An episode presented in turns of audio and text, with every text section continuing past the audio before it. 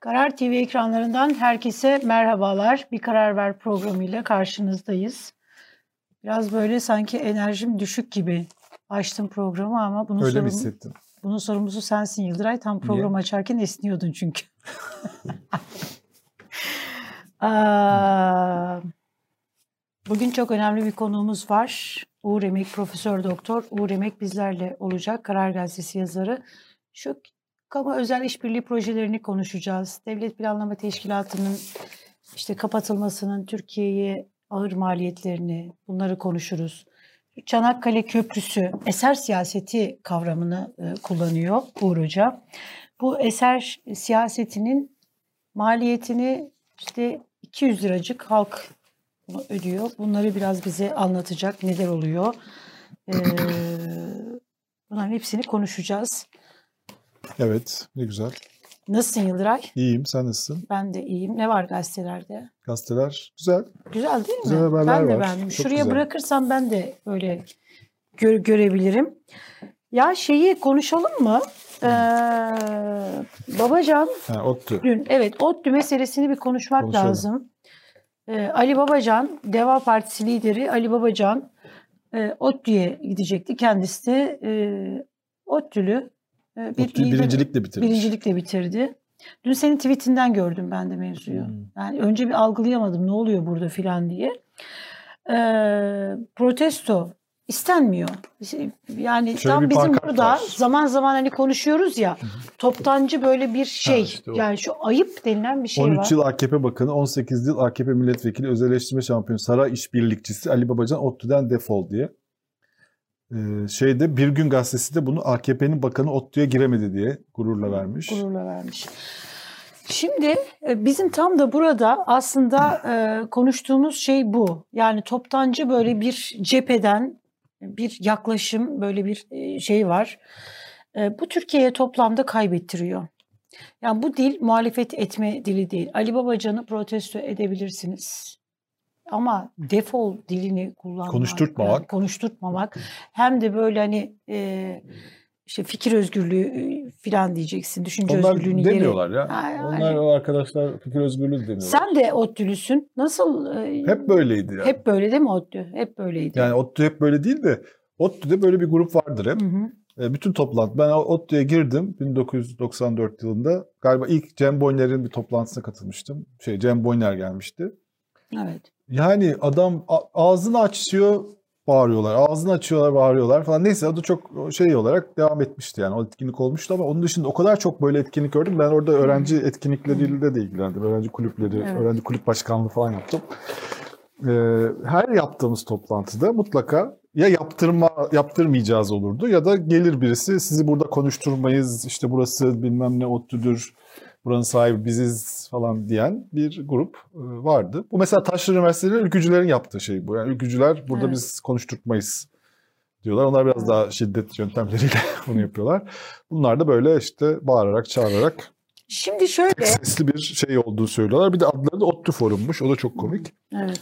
Adı forum olan bir şeyde Şimdi burada- sadece biz konuşacağız Evet, demek. akşam da şey açıldı Twitter'da Medyaskop'tan e, Ali Deniz Çakır. Ali Deniz e, Çakır bir e, güzel Çakır bir şey yaptı, bir yaptı. böyle e, Ali Babacan da oraya katıldı. Ben Hı hı. tam böyle odaya girdim dinlemeye dinlemek için Ali Babacan çıkmış. Yani o çıkmış Hı. ben girmişim gibi. E, o kısmını çok böyle hani e, Ali. Babacan'ı canlı olarak ama sonra konuşmasına baktım çok iyi konuşmuş. Şimdi üniversitelerde bu tür protestolar olabilir. En nihayetinde 20 yıllık bir AK Parti iktidarı e, söz konusu.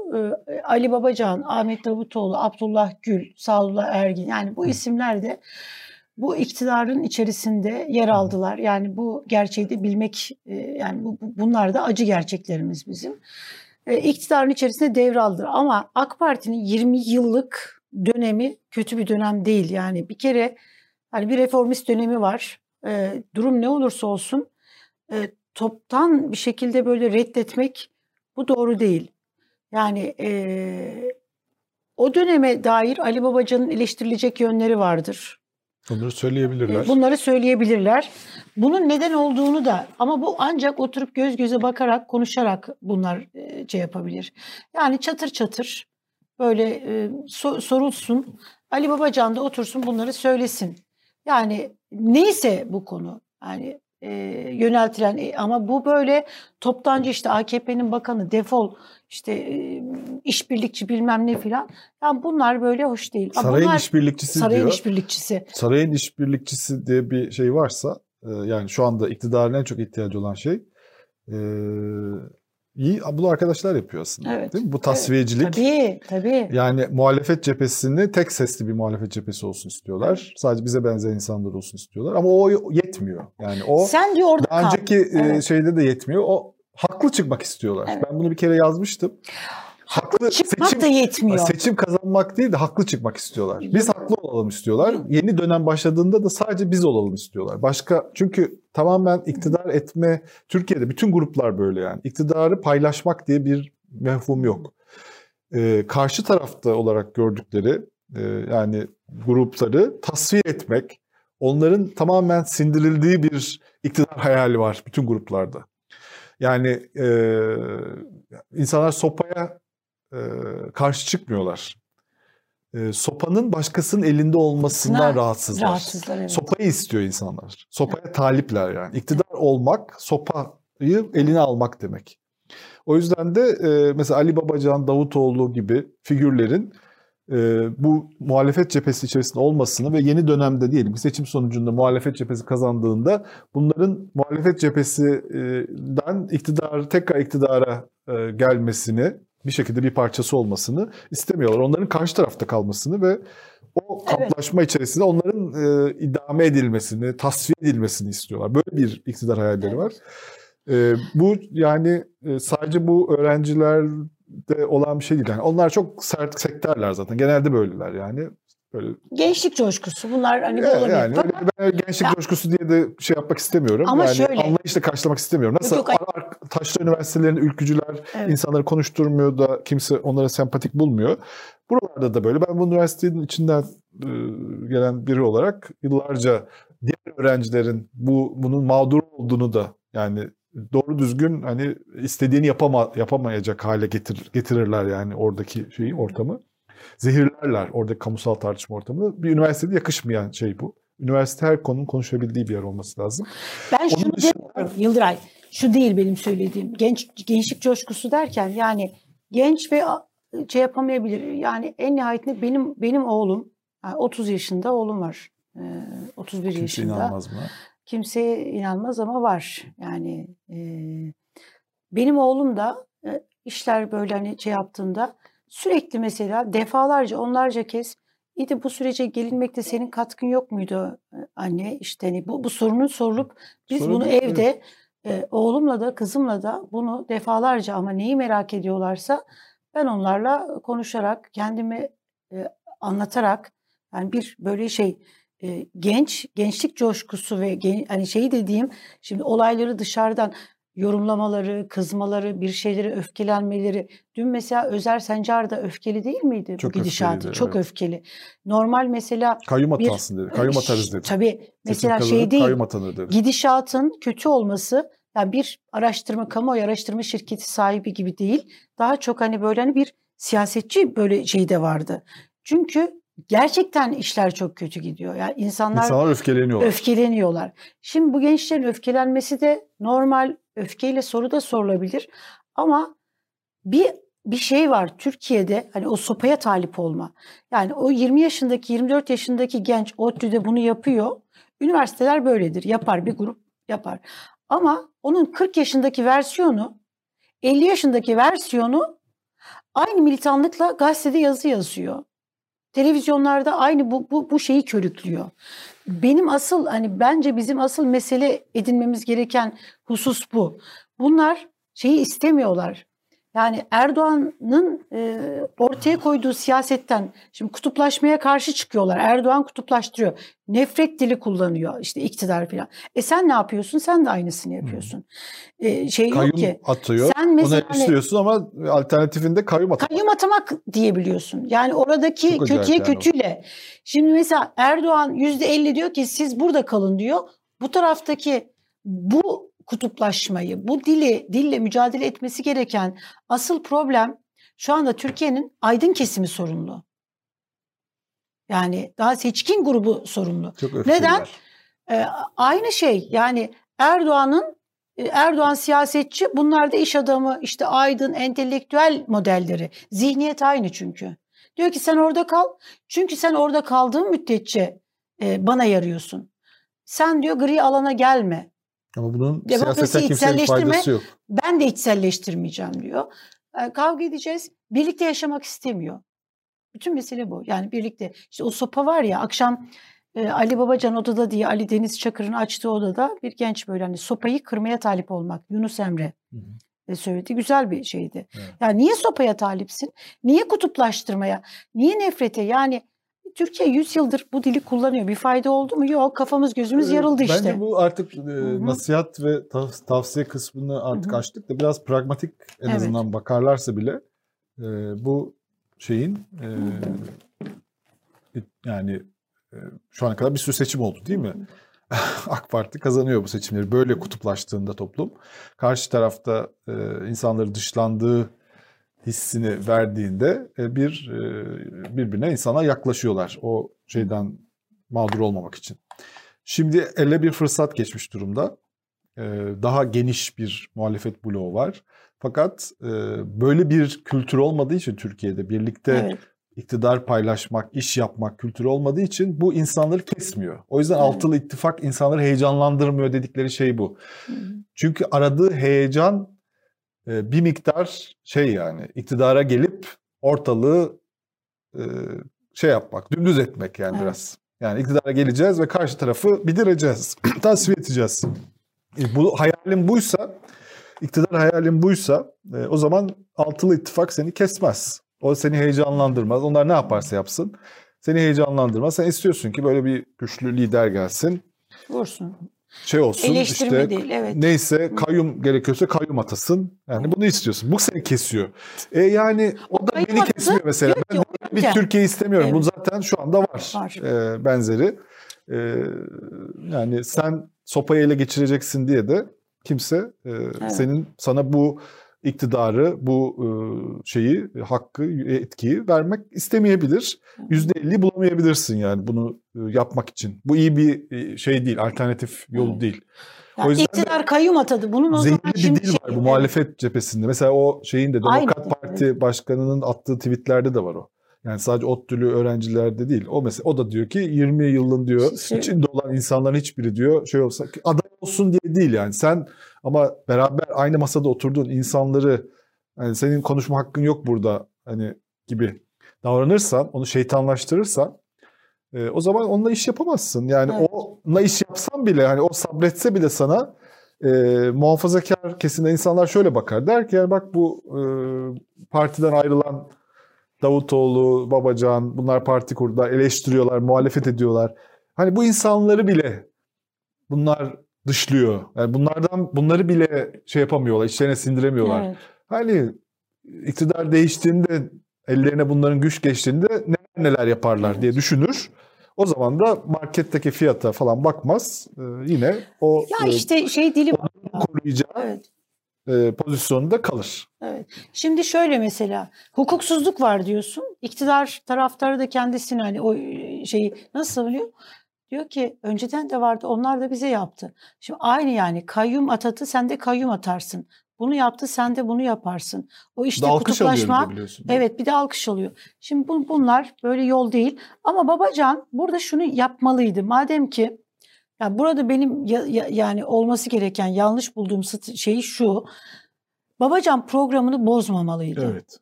Yani de. Babacan programını bozmamalıydı. Madem ki eee, hamama giren terler kardeşim. Şimdi bu programını eleştir, hani oradaki o protestoyu görüp programı kesmek değil. Evet. Siyasetçi, lider, ürkek olmamalı. Sen desen ki yani ben ortamı karıştırmak istemedim falan. Yok kardeşim. Orada e, ürkek değil. Bilakis bunun üzerine gideceksin. İşte biz Gezi'de de demiştik yani Erdoğan eşofmanını çekse bu gençlerin arasına otursa o zamanlar hani milli içecek ayrandı. Ayranı alsa lahmacununu alsa oraya otursa ne istiyorsunuz siz dese o dönemde de 2013'te de o gençleri anlayabilecek mevcut siyasetçiler içerisindeki en iyi isim Erdoğan'dı bence. O olmadığı için bu kadar kötü sonuçlar oldu Gezi'de. Şimdi aynı şey e, Ali Babacan hani siyasetçi Yayına gideceğini söylemiş. Ya- İşte bir YouTube yayını varmış. bozarsın. Bak Evet, siyasetçi aynen. anında ya anında konum alır. Öncelik belirler. Tekrar öncelik belirler ve oraya gidersin. Bilakis Biraz bütün programını edilmeyi göze alacaksın yani bu işler böyle. bütün programını bozarsın. O kalabalığın o yumrukları aça aça ellerini tutarıp Açamayabilirsin belki. belki de hayır ama onu oturacaksın. Diyeceksin ki kardeşim ne diyorsunuz? Benim Bir böyle bir hatıram var bakalım. ODTÜ ile ilgili. ODTÜ'de söyleyin bakalım, deyip 2001 oturmalıydı. ben e, şey e, ODTÜ'de bir öğrenci kulübü Yenilikçi Hı. Hareket o zaman e, 2000'di galiba da 2000 ya da 2001. Yenilikçi Hareket'ten Bülent Arınç ve Abdullah Gül'ü ODTÜ'ye çağırdılar. ben dedim yani bunlar nasıl kabul etti? Şimdi burada mahvedecekler bunları. Öyle de oldu. Fakat geldiler ikisi de. Abdullah Gül ile Bülent Arınç. Yani bir grup böyle yani bütün tarihte olan her şeyin suçlusu olarak onları ilan etti. Bağırdılar, çağırdılar. Bir ara Bülent Arınç biraz kızdı. ne yapıyorsunuz siz şeklinde. Ama Abdullah Gül falan çok sabırla dinledi onları. Eleştirilerine cevap verdi falan. Organize edenler de şey yaptılar yani olayın sahibi oldular. Yani olayın daha büyümesini engellediler. Onlar da katkı yaptılar. Ee, şey oldu yani bir tartışma ortamı oldu. Tabii belki şimdi biraz daha Türkiye'nin ortamı daha zehirli bir ortam yani. Şu anda onu yapmak o kadar kolay olmayabilir. Ama yine de e, bunu denemek lazım. En azından Evet. küçük bir grupla bir yerde çay içebilirdi. E, Yok şu grup Davet eden oraya. kendisini grupla. Git oraya otur. Babacan Oraya gidemezdi. Onlar Yok, çünkü hayır. onlar da diyaloğa çok açık değiller ama Ya kendisini değil davet ama- edenlerin yanına gidebilirdi. Evet. Kendisini davet eden kimse Yıldıray o grupla etkinliğini yapabilirdi bunlara takılmadan. Yok ben yani bu konuda şöyle oraya gidemez değil. Bence asıl gitmesi gereken yer orası. E, Ali Babacan biraz çok korunaklı. Çok aşırı böyle şey var yani Senin bir ODTÜ e, solcularının bir etkinliğine katılman lazım. Yıldıray Oğlum, ben Bu ben, konudaki fikirlerin biraz ben e, de ben de şöyle yok yok hayır me- mevzu o değil. E, Diyarbakır'da bak Diyarbakır'da ben bir şeyde e, bir grup genç geldi benim masamı tekmeledi. Devirdiler masayı. O anneler işte hani Diyarbakır annelerin eylem yaptığı dönemde. Ondan sonra ben hiç istifimi bozmadım. Bir otursanıza dedim ya ne oluyor filan. Öfkeli, küfür, kıyamet. E, başka bir Marmara Üniversitesi'ne gitmiştim. Salonda yuhalandım. Ama orada mesela bana şey söylediler. Programı keselim götürelim filan. Hı. Yo dedim ben konuşmaya devam edeceğim. Evet. Yani şimdi siyasetçi birazcık soğukkanlı eee, ve o korunaklı alanından çıkması gerekiyor. Yani Ali Babacan çok eee, korunaklı bir isim. Böyle çok hemen böyle hani aman tartışma çıkmasın, aman böyle hani bir şey olmasın. Bu siyasetin doğasında bu yok. Yani bu bunları kırması lazım, üzerine gitmesi lazım. Eee, ne olur ki diyelim ki yanlarına kadar gitti ODTÜ'ler canavar değil de ya bunlar yanlarına kadar gitti hala yüzüne yüzüne söylendi. Babacan da gülümsesin ne olur itibarı zedelenmez ki. En nihayetinde onu yapanlar kendi, kendi kendilerini yani herkes yaptığı tavırla söylediği sözde kendisidir. Bir şey olmaz yani. Yani bu Türkiye yönetmeye. ne kadar e, Türkiye şartları için ne kadar büyük lüks Hı hı. olduğunu da aslında ne kadar önemli bir fırsat evet. olduğunu da gösteriyor bu. Yani şimdi herkes bunu küçümsüyor ama e, Bunu herhalde bu öncelikli olarak şey. Şimdi masadaki bir liderin bunu bilmediği bir yerde Türkiye'ye bu masanın kıymetini anlatmak çok zor. Yani Gültekin Uysal bile anlamamış mevzuyu. Evet. Gültekin Uysal'ın e, öncelikli olarak oturup e, anlatması ciddi bir gerekiyor. sorun olduğunu duydum ben Ankara'dan. Ben de duydum. Çünkü bir dahaki e, Toplantı orada. toplantının ev sahipliğini o yapacak. Oraya Ev gitmeyecek. sahipliği e, yapan birinin böyle şeyler söylemesi e, yani bayağı krize neden olabilir. Nasıl Yani. tamir edilecek bilmiyorum bunu. Ve özür dilemeden mesela şey olmayabilir. O, oraya o davete icap etmeyen o masadan Evet, isimler olabilir. evet, onu duydum Bu ben. de. ben de yani bunu duydum. Bu çok ciddi bir sorun. Burada da Kemal Bey ve Meral Hanım'a çok büyük görev düşüyor. Çünkü onlar o Ee, masaya o Çünkü masanın en genç ismi. onu oturtan onlar. Evet. Çünkü o kadar Evet. şeyi yok aslında. Evet. Ee, bir de onun bunu ne adına yaptığı da yani kendi kendine mi yaptı yoksa böyle bir şey mi var? Bir operasyon mu oluyor burada Ya diye yok, şeyler var.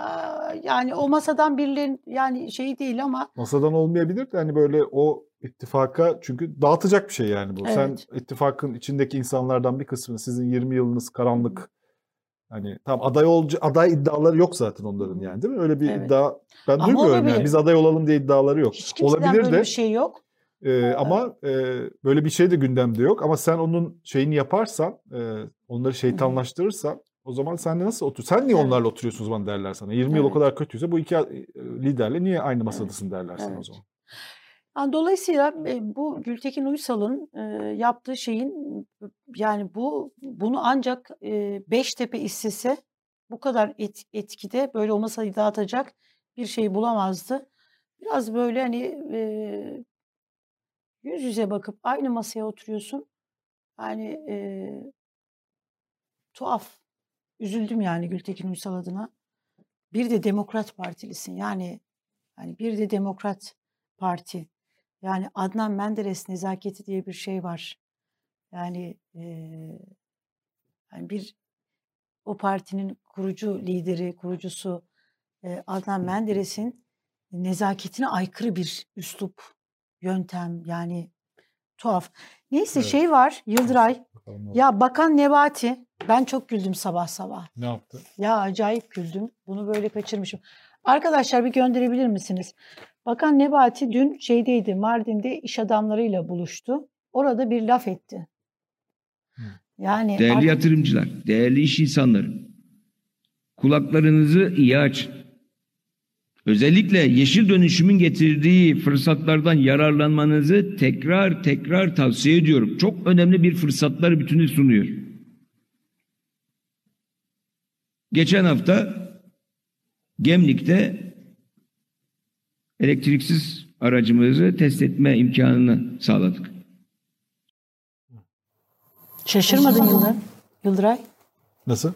Elektriksiz aracımızı test ettik diyor Gemlik'te. Ha, elektriksiz evet. Yani e, elektrikli araca binip ya. Benzinsiz elektrikli demek istiyor herhalde. sen bugün çok böyle Ben Nebati şey yapamıyorum onu çok. ben.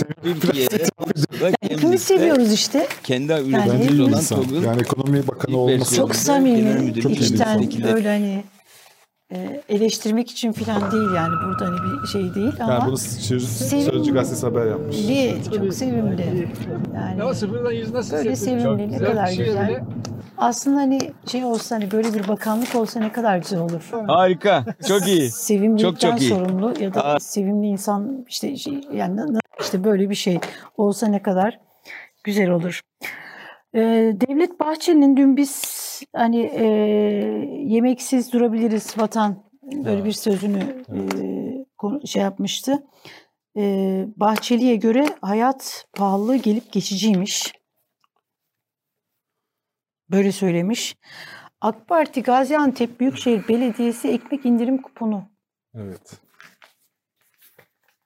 Evet, Ekmekte kupon. ekmekte kuponlu döneme geçtik. Hadi inşallah eski Türkiye, yeni Türkiye mukayesesi yapan e, Cumhurbaşkanı Erdoğan eski Türkiye'nin Türkiye'de ne varsa hepsini böyle uygulamalı olarak göstermeden bu dönem Hmm. bitmeyecek gibi. Ne söylüyorsa, Yani şey neyi ekmek eleştiriyorsa her şey şey. halk ekmek gibi bir te- şey yokmuş. E, bu da ekmeğe indirimli olarak verelim İndirim demişler. Bu da bir yöntem yani. Bu vatandaş açısından bunlar- iyi Evet, ama vatandaş açısından iyi. Öyle düşünmek vatandaş lazım. yok böyle Yıldıray vatandaşın menfaatine olan her şey tabii ki iyi. Çünkü Fakat- aynı şey demek bu aslında. Fakat bir de bir gerçek var. Yani bu e, Erdoğan sabah akşam meydanlara inletmedi mi? İşte bu CHP döneminde eski Türkiye'de e, ekmeği kuponla alın- alınıyordu. Kuponlar vardı. Hmm. Kuyruklar vardı. Yağ kuyrukları, ben işte mazot kuyrukları, tüp kuyrukları vardı. Bunları eleştiri meselesi yapmadı mı? Yaptı.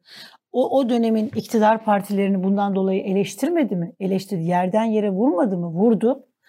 Bütün bu yağ kuyrukları, işte benzin kuyrukları, tüp kuyrukları eski Türkiye'de niye oluyordu? Yoksulluktan. Daha ucuz alamıyor. Yoktu piyasada hani şey yoktu. Kriz vardı. E şimdi gele gele şimdi Türkiye'de ekmek kuyrukları var mı? Var. İnsanlar e,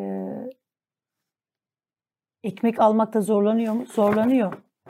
Türkiye yağ zorluğu hani ilaç bak dün mesela çok şey yapamadık. Türkiye'de şu anda bir bir kriz daha geliyor. Hı Bu kadar böyle hani e, sorun yetmiyormuş gibi.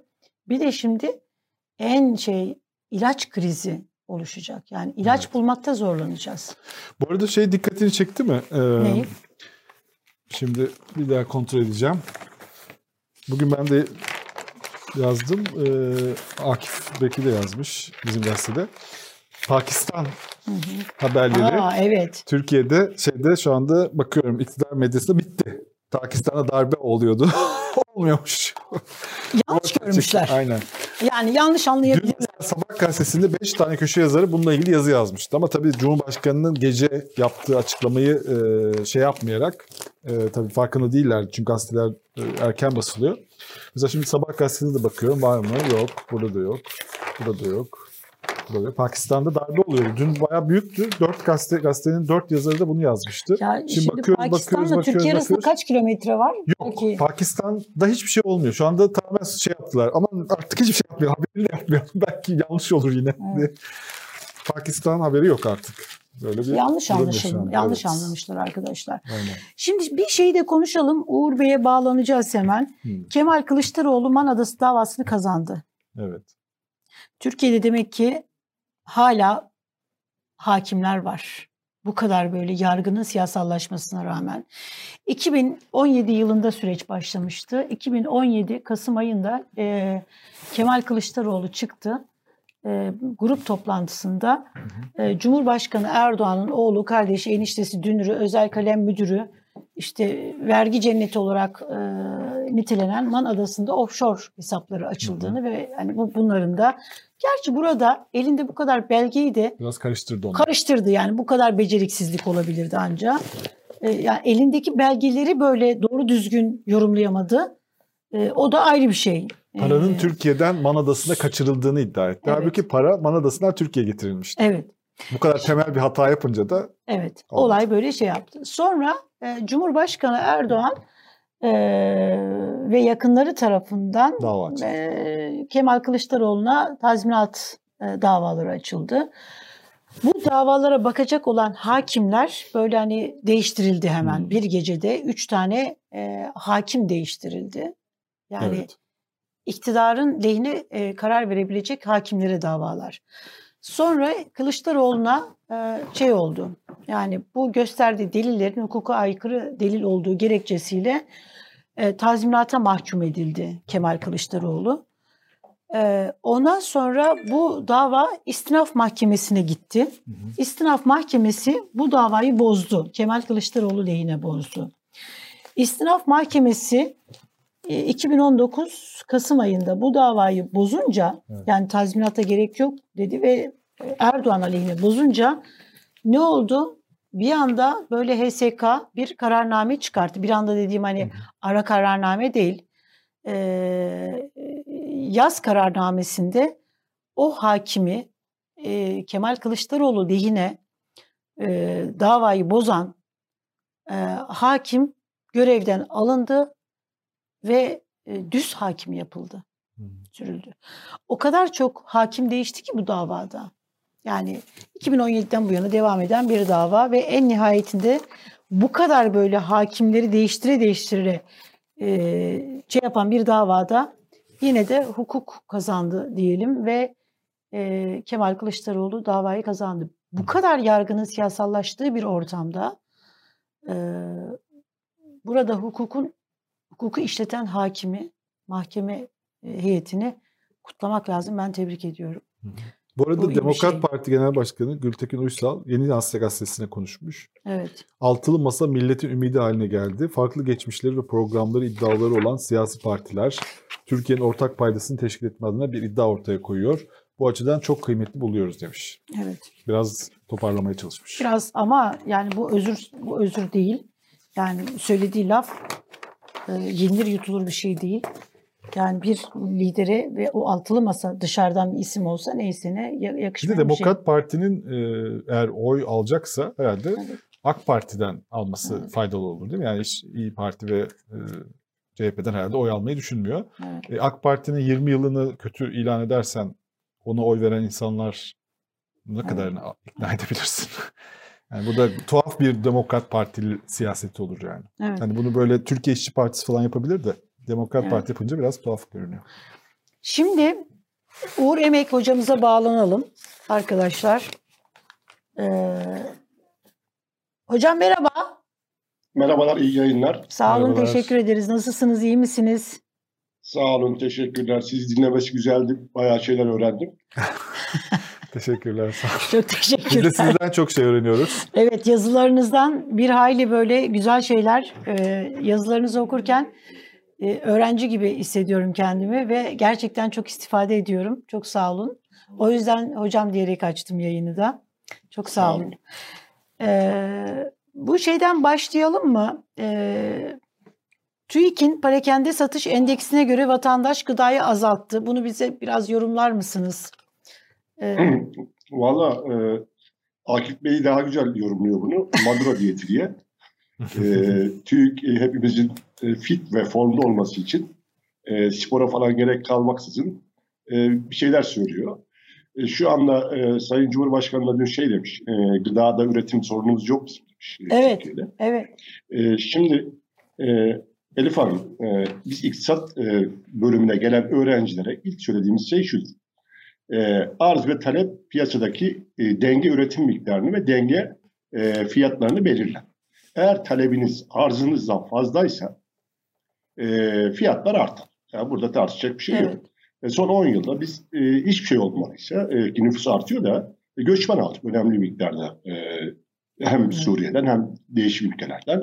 Yıldıray Bey'in yazılarından da okuyoruz. Afganistan'dan bile geliyorlar. E şimdi bu arkadaşlar ne yapıyorlar ben bilmiyorum ama şundan eminim size bahse girelim. Yemek yiyorlar. E bunlar yemek yiyorlarsa talep artıyor. E, üretimin artmadığını biliyoruz. E, tarım alanlarının azaldığını, e, çok çeşitli istatistikler üzerinden bunu görebiliyoruz. evet. E, üretimini artırmazsanız, e, azaltırsanız bir de aksine, sabit tutsanız bile böyle olur. Bir de üzerine talebi artırdığınız zaman gıda fiyatlarının artmasından daha doğal bir şey yok. Bunu ölçmeye, tartmaya, biçmeye gerek yok. E, biz e, bir de e, ithalata bağımlı bir üretim e, yapısı kurmaya başladık. E, döviz fiyatları aldı başına gidiyor. E, ki bunu e, tarım uzmanları işte Ali Ekber Bey Dünya Gazetesi'nde e, tarım yazarı bunu çok net söylüyor. İthalat yapa yapa, ithalat yapa yapa e, fiyatların düşmeyeceğini de artık öğrendik diyor et ithalat için söylüyor. Şimdi böyle bir ortamda e, bu gıda fiyatlarının e, normal enflasyonun üzerinde olması e, kaçınılmaz zaten. E şimdi e, halkın da portföyünde yani ben şöyle yapıyorum bilmiyorum siz ne yapıyorsunuz ama e, kredi kartlarıma bakıyorum. Kredi kartları benim harcamamın dağılımını gösteriyor. Kredi kartlarıma baktığım zaman KR ekseriyeti pera, e, şey e, market alışveriş. evet. Marketten de gıda alışverişi yapıyoruz ağırlıklı olarak. Yani e, şimdi bu e, TÜİK'in e, bu açıklaması e, vatandaş cebinde hissediyor zaten. E, bunu e, eğip bükmeye de çok gerek yok. Peki bu mesela bir TÜİK'ten gitmişken e, TÜİK ve İşkur arasında da bu işsizlik oranıyla alakalı 1 milyon fark vardı. Bu kadar fark olur mu e, iki devlet kurumu arasında yani İşkur ve TÜİK arasında? Ya birisi e, kesin hesap, öbürü e, şey e, tahmin, e, anket yapıyorlar. E, oradan kaynaklanan bir fark olabilir. Bu kadar Ee, normal mi yani mesela 1 milyon fark? Yani sayısal olarak e, normal, anormal e, kısmına girmeyin. E, çünkü dediğim gibi bir, e, ben iş gücü istatistiklerini çok yakından takip etmiyorum. Ama birisi anket, birisi e, şey e, e, işkurun kendi e, verisi olduğunu biliyoruz. E, TÜİK'in e, esas şuna bakıyor olmamız lazım. E, iş gücüne katılma oranı, e, iş gücüne katılma oranında bir, e, bir düşüş var. E, bezdirilmiş, caydırılmış işsizlik dediğimiz bir işsizlik, e, işsizlik var. Evet. İnsanlara soruyorlar. Diyorlar ki e, son 15 günde iş aradın mı? Aramadım. E, resmi kanallarda. Peki iş bulsam başlar mısın? Başlarım diyor. E şimdi bu bunu biz buna iş gücüne katılmadı diyoruz. E, bu yüzde 48'lere geldi yanılmıyorsam. 150'lere geldi. Yani TÜİK'e göre her iki kişiden bir kişi Türkiye'de çalışmak istemiyor. Etrafınıza baktığınız zaman siz bunu çıplak gözle görebiliyor musunuz? Her iki kişiden bir kişinin çalışmak istemediğini. Üniversite mezunu, e, e, üniversite mezunu gençlerimiz evlerinde oturuyorlar. Sağımıza solumuza bakın. Ben e, belki mesleki deformasyon. Hı hı. E, gördüğüm öğrencilere ne okuduklarını soruyorum. Çalışanlara veya işsizlere ne okuduklarını söylüyorum. Marketlerde e, vasıfsız iş gücünün yapabileceği şeyleri üniversite mezunları yapıyor. Kasiyer olarak çalışıyorlar. Yani bu e, bunun esas buraya bakmak daha anlamlı olur diye e, düşünüyorum ben. Bu e, şeyin de en son TÜİK'in de kabul ettiği geniş tanımlı işsizlik diye bir şeye bakıyorlar. E, istatistiğe bakıyorlar. Bu caydırılmış, bezdirilmiş işsizlerimiz var. İş bulmaktan umutlarını kesmiş gençlerimiz var. Onları bakıyor olmamız lazım. Genç işsizlerimizin oranı e, dörtte bir e, civarında geziyor. Bunlara bakıyor olmamız lazım. Anladım. Ee, geçtiğimiz günlerde bu Çanakkale Köprüsü yani kamu özel işbirliği projeleri e, özellikle son 3 yıldır tartışma konusu. Bunların Türkiye'ye maliyeti, ağır maliyetleri. Çanakkale Köprüsü e, 2023 yılında e, Cumhuriyet'in 100. yılında açılacaktı ama bir yılda önce bitti. Geçiş ücreti de bir hayli tartışma e, oldu yani tartışıldı. Siz bütün bu şeyleri iktidarın eser siyaseti ve eser siyasetinin bedelini de toplum ödüyor diyorsunuz yazılarınızda. Yanlış anlamadım değil mi? Yanlış anlamıyorum. E, doğru anlıyorsunuz. Şimdi şöyle bir şey yok. Devlet milletten bağımsız bir antite değil. Evet. De, devletin sahibi millet. Yani biz o köprülerin, yolların bedelini ya vergi mükellefi olarak ödüyoruz ya kullanıcı olarak ödüyoruz. Evet. E, bu e, şimdi gene iktisatta bizim söylediğimiz bir şey var. Her tercih bir vazgeçiştir. Fırsat maliyeti diyoruz. Bir şeyi yaptığınız zaman başka bir şeyden vazgeçiyorsunuz. Projecilikte e, temel e, koşul, e, ben buraya şeyden bakıyorum, proje döngü yönetimi çerçevesinde bakıyorum. Projecilikte temel e, öncelik ihtiyaç analizi yapılması lazım. Hmm. E, sınırsız kaynak, sınırsız ihtiyaçlarımızı sınırlı kaynaklarımızla karşılıyor olmamız lazım. E, şimdi bu ülkenin kaynakları sınırlı biliyoruz. Yani e, 800 milyar dolarlık bir şeyden bahsediyoruz, ekonomiden bahsediyoruz. E, bir, bir sürü şirketin e, yıllık cirosu Türkiye ekonomisinden daha büyük. Ee, size bilmiyorum şirket isimlerini sayabiliyor muyuz da söyleyebiliyor muyuz? Tabii tabii. Ee, tabii rahat olun. Yani e, Amazon, e, Microsoft falan Türkiye ekonomisinden daha büyük. Böyle böyle bir ekonomide kaynaklarımızı e, tahsis ederken kılı kırk yarmamız gerekiyor. Benim söylemek istediğim bu. E, size dün bir resim göndermiştim. E, evet. E, bu şey Onları var, gösterebiliriz arkadaşlar. Üçüncü havalimanı ile alakalıydı değil mi? Yok haritayı bir gösterebiliriz. Harita, haritayı bir alalım arkadaşlar. Evet. Şimdi bakın şu şu Marmara e, bölgesinde yapılan otoyol yatırımlarını gösteriyor. Üst taraftaki Kuzey Marmara otoyolu. E, şimdi şu yeşil olan e, Marmara Denizi'nin doğu tarafında olan Gebze'den çıkıyorsunuz. Osman Gazi Köprüsü'nden geçiyorsunuz. Balıkesir'e geliyorsunuz. Hı hı. Balıkesir Savaştepe. Osman Gazi Köprüsü'nde 40 bin garanti vermişiz. Geçmiyor vatandaşlar. Daha buranın şey kurum garantisini tutturamamışken bir de e, İstanbul'dan çıkıyorsunuz e, yukarıdan, e, Kınalı'dan çıkıyorsunuz, Tekirdağ'dan geçiyorsunuz, e, Malkara'dan geliyorsunuz, Çanakkale Köprüsü, bu mavi olan köprü. E, oradan da gene Balıkesir'e geliyorsunuz. Oraya da bir 45 bin garanti daha verdiniz. Hmm. Şimdi e, bize Marmara Denizi'nin doğusundan ve batısından geçecek e, 45 e, 40 bin e, Osman Gazi Köprüsü'nde 45 bin şeyden e, Çanakkale Köprüsü'nden 85 bin kişiye ihtiyaç var. Eğer İstanbul'dan günlük, eğer İstanbul'un Anadolu yakasındaysanız ve Yavuz Sultan Selim Köprüsü'nden geçip buralara gelecekseniz orada da bir 135 bin günlük araç garantimiz var. Şimdi bu e, bizim e, Balıkesir üzerinden İzmir'e ulaşmak için bir sevdamız var. E, hem İstanbul'un doğusun, Marmara Denizi'nin doğusundan Osman Gazi'yi kullanacağız hem de batısından Çanakkale Köprüsü'nü kullanacağız. Bunu ben söylemiyorum. E, bu tamamıyla e, bir aktarım size. E, geçen hafta sonraki yazımda yazdım karardaki yazımda. Evet. Nabi Avcı diyor ki e, Eskişehir Milletvekili ve eski bakan. Ben diyor e, Çanakkale Köprüsü'nü diyor göğsümü gere gere Eskişehirli'yi anlatamıyorum. Niye anlatamıyormuş? E, Alpı'nın yolunu yapmadık. Kırkan'ın yolunu yapmadık. Bir e, kaza daha sayıyor, e, sayıyor. Onun yolunu yapmadık diyor. 16 Mart'ta diyor e, Ulaştırma Bakanı AK Parti Genel Merkezi'nde diyor e, milletvekillerine bir briefing verdi diyor. AK Parti milletvekilleri. Ben diyor bunu gündeme getirdim diyor. E, tüm diğer illerin milletvekilleri de bunu tekrar etti diyor. Her ilde, her ilçede yapılmayan yol sorunu var. Bu bu öncelik meselesi.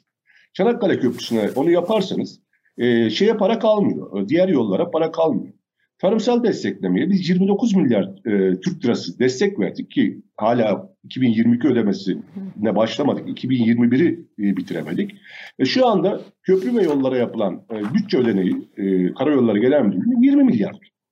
E, şehir hastaneleri de bir 20-21 milyar lira, 40 milyar. Biz e, tarıma vermediğimiz desteği buralara veriyoruz ki kaldı ki bu söylediğimde e, orta vadeli programındaki 9.27 e, 9 lira 27 kuruşluk kur üzerinden. E, şu anda bu kur üzerinden Karayolları Genel Müdürlüğü'nün bütçesinin yarıya yakını bu otoyollara gidiyor. Şimdiki kura göre yani 31 e, Ocak kuruna göre 13.33 yanılmıyorsam o kura göre update güncellerseniz %65'i tar- e, Karayolları Genel Müdürlüğü'nün bütçesinin buraya gidiyor. E şimdi tercihlerinizi buradan yana kullanıyorsanız vazgeçtiklerinizi gözden çıkarmışsınız demektir. Neye gözden çıkarmışsınız? Tarımsal, tarımsal üretimi gözden çıkarmışız. Neyi gözden çıkarmışız? Köy yollarını gözden çıkarmışız. İlçelerin yollarını gözden çıkarmışız. Benim söylemek istediğim bu. Ee, Çanakkale e, Köprüsü'nde bedava olduğu gün 30 e, bin kişi geçmiş. Araç garantisi 45 bin. E, bedava olduğunda 30 bin kişi geçmiş. Bir de şöyle bir şey var. Bu yani ama günlük bu, geçiş 45 bindi, 30 bin. Bedava Bedavayken oldu. bile. Bedavayken o bile, 30 bin kişi evet. Ee, Elif Hanım yani e, ben Çanakkale'yi biliyorum. Benim ailem orada. E, abimler orada yıllardır yaşarlar. Ben her yıl giderim. E, şeyden de biliyoruz. E, Gestaş'ın e, istatistiklerinden de biliyoruz. Çanakkale Boğazı'nda günde kaç araba geçtiğini biliyoruz. Bunu tahmin etmek için uçmaya kaçmaya gerek yok. 10-12 bin civarında araba geçiyor.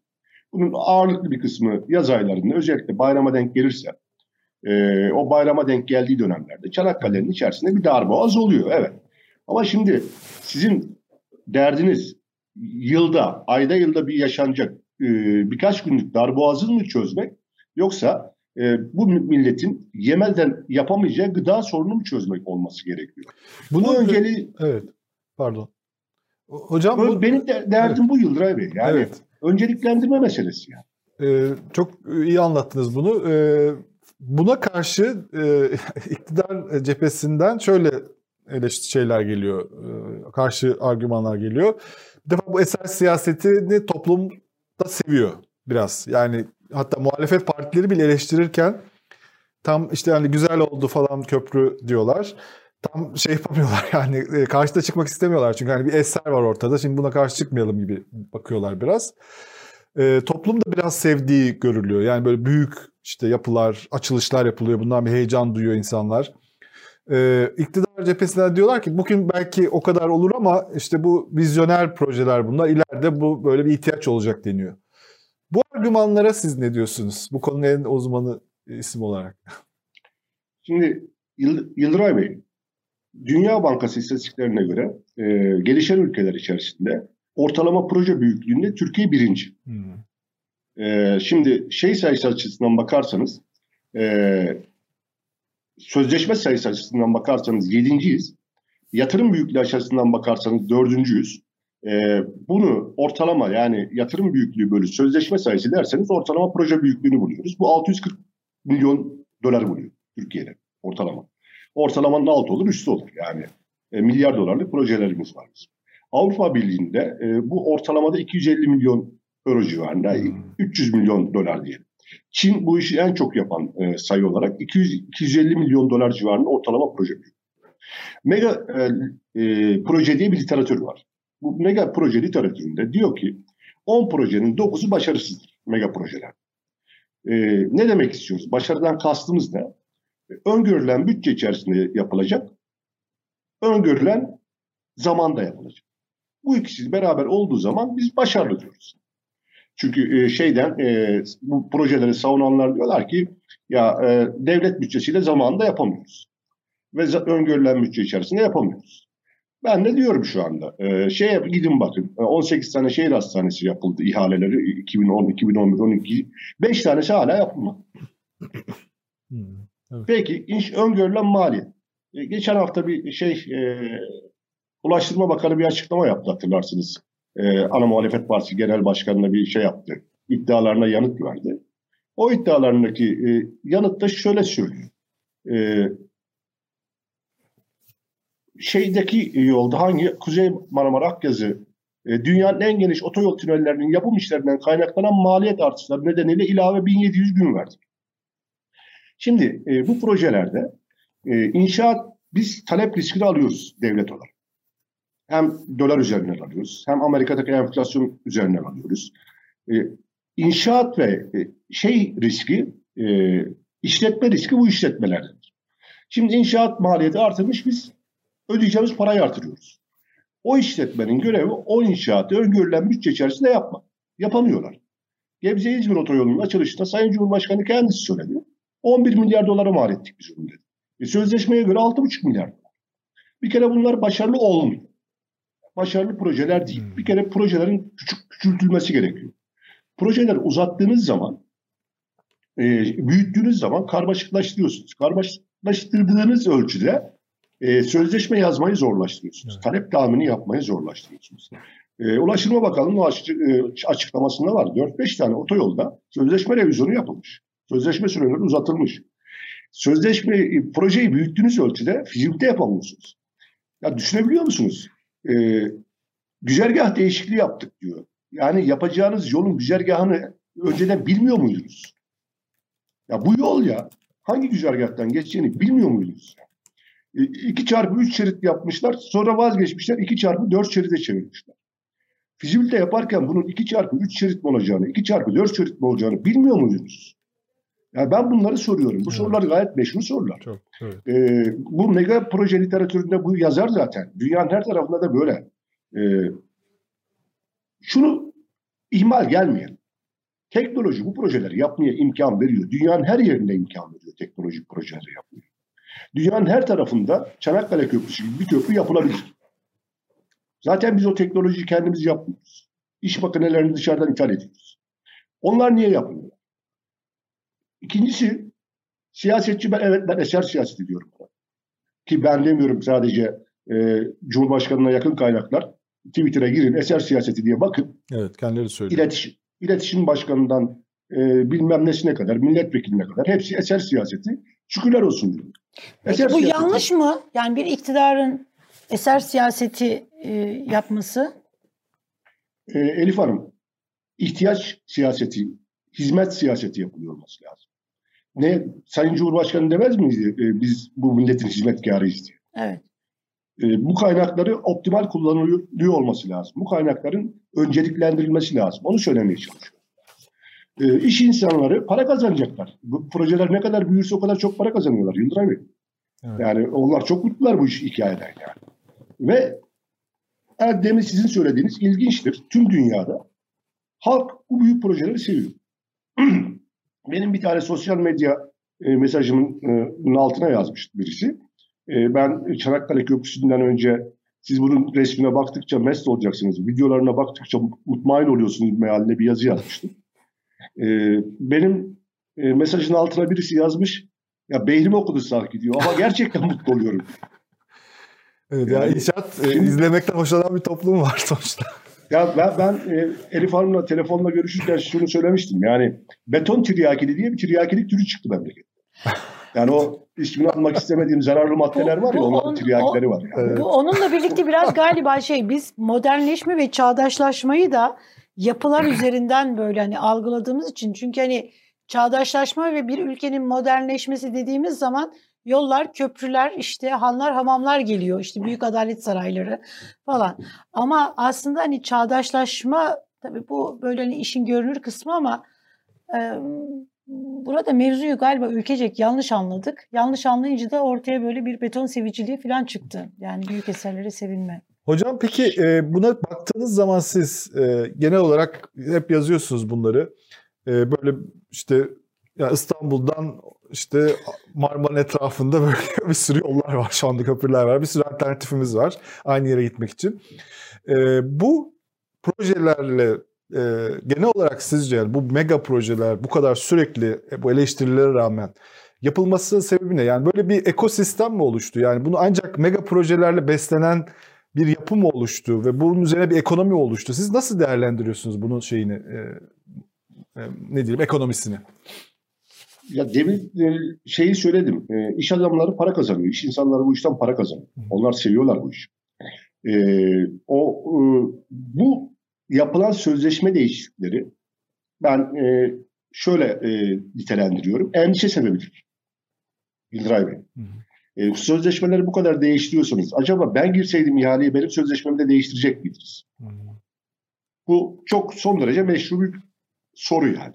Sözleşmeleri niye bu kadar sık değiştiriyorsunuz? Sözleşmeleri bu demin bahsettiğim maliyet artışıyla e, inşaat riskini alması gerekiyor. 1700 günlük süreyi neye göre hesapladınız? Niye 1650 değil? Niye 1750 değil? Ben niye bilmiyorum bunu? Kamuoyundan niye bunu saklıyorsunuz? Bu garantileri niye saklıyorsunuz kamuoyundan? E, neyin neye yapıldığını, kaça yapıldığını niye saklıyorsunuz? E, bu Bunlar meşru sorulardır ve bu soruların cevap gelmemesi e, insana endişe sevk ediyor. Yani bir şey mi oluyor orada da bizim bilmediğimiz sorusunu sormam gerekiyor arkasında. E, şeyde hatırlarsınız e, e, Ulaştırma Bakanı Çanakkale Köprüsü'nü açıldıktan sonra yatırım düşmanı olarak ilan etti e, bizleri. E, Karar Gazetesi dahil dört tane gazeteyi evet. adalete, mahkemeye vereceğim. Bu mudur bunun cevabı? Yani bunun maliyeti nedir sorusunun cevabı mahkemeye vereceğim demek. Yani. Bunların hepsi endişe sebebi. E, yönetmeliğe göre, mevzuata göre bu garantilerin bilançolarda gösterilmesi gerekiyor. Yıldıray Bey. Bunu göstermiyorlar. 2015 yılından beri 7 yıldır Sayıştay raporlarına defalarca söylenmesine rağmen Ulaştırma Bakanlığı, Karayolları Genel Müdürlüğü bürokratlarıyla Sağlık Bakanlığı bürokratları inatla ve ısrarla bunu saklıyorlar. Hmm. Suç işliyorlar. Niye saklıyorsunuz şimdi? Ben bunu sormayayım. Yani. Bundan endişelenmeyeyim. Ben düşünün şöyle bir şey. İstanbul'da Gebze İzmir otoyolunu kullanacaksınız. Ee, ki bunları erken de teslim alıyorlar. Er, erken teslim alırken gidin bakın. E, benzin istasyonları falan yok. Dinlenme tesisleri falan filan yok. Erken teslim ettikleri zaman işletme süresine ilave ediyorlar. Ben ona önden yüklemeli bonus diyorum. E, e, önden yüklemeli gelir garantisi diyorum. Yani. Erken açarsanız işletme süresine ekliyorsunuz. Ekstradan hmm. garanti ödemesi yapıyorsunuz. O yüzden böyle erken erken açlıyorlar. E, yalan yanlış, bitmiş hmm. bitmemiş yollar açılıyor yani. E, ondan sonra bu gelir garantileri çalışıyor. E, ben Gebze İzmir otoyolunda aldığım benzinin parasını biliyorum. Bir takım benzin istasyonları açıldı. Oradaki marketlerde aldığım her şeyin parasını biliyorum. E, aldığım e, cikletin parasını biliyorum. Aldığım bisküvinin parasını biliyorum. Aldığım e, cam yıkama suyunun parasını biliyorum. Ve fakat ancak köprünün parasını bilmiyorum. Köprü para, parası kaç para bilmiyorum. Devlet Yolun sırrı... parası kaç para bilmiyorum. Evet. Çünkü tabela fiyatıyla, gişe fiyatıyla sözleşme fiyatı farklı. Osman Gazi Köprüsü 668 lira KDV dahil. Vatandaş geçmiyor diye. Ki geçmiyor. Çok pahalı. E, bedavadan daha ucuz bir şey yok. Yani başında bedava devlet otoyolu var. 668 lira, 4250 lira asgari ücretin olduğu bir memlekette vatandaş arabaya binmeye korkuyor zaten. Evin önüne şuradan şuraya gidiyor. 668 lira köprü. Siz bunu 184,5 liraya düşürmüşsünüz. 483,5 lirasını bütçeler ödüyorsunuz. Vatandaş geçsin diye. E, şu anda sözleşme ücreti uygulansa Gebze'den İstanbul'a 1065 lira para ödeyeceksiniz. Geri bir daha dönüp geleceksiniz. Bir, bir 65 lira daha ödeyeceksiniz. Şimdi bunlar bunlar e, beyaz fil projesi bunlar. Bunlar e, çok yerler bir şey vermezler karşılığında. E, bizim itirazlarımız bunlara. Yani neyi niye yapıyorsunuz? Yapın bir şey demiyoruz ki. Ben şunu da söyleyeyim sizin aracılığınızla. E, uluslararası örgütlerin yaptığı e, hesaplamalara göre Türkiye'nin 2016 ile 2040 yıllar arasında e, 905 900 küsür milyar dolarlık yatırıma ihtiyaç. Bunun 500 milyar dolar civarındakini yapabiliyor. 975 milyar dolar özür dilerim. 500 milyar dolarlık yatırımı yapabiliyor mevcut kaynaklarıyla. 460 milyar dolarını yapamıyor. Ee, bizim neye göre ihtiyacımız hesaplanıyor? Akran ülkelerimize göre yatırımımızın kalitesinin de artırılması gerekiyor. Hem nitelik olarak hem nicelik olarak. E ben bunu biliyorum. Bu hesaplamaların içerisinde sağlık ve eğitim de yok. Onu da biliyorum. Tabii ki yapılacak bu ülkeye yatırım yapılacak. Yapılması gerekiyor. Altyapının faydasını da biliyorum. Altyapı haberleşmeyi kolaylaştırır, ulaştırmayı kolaylaştırır. Eğitim, insan sağlığı, eğitim, insan kalitemizi artırır. Sağlık, insan sağlığımızı artırır. Bunları bilen iktisatçıyım. Ben altyapı iktisatçısıyım yani.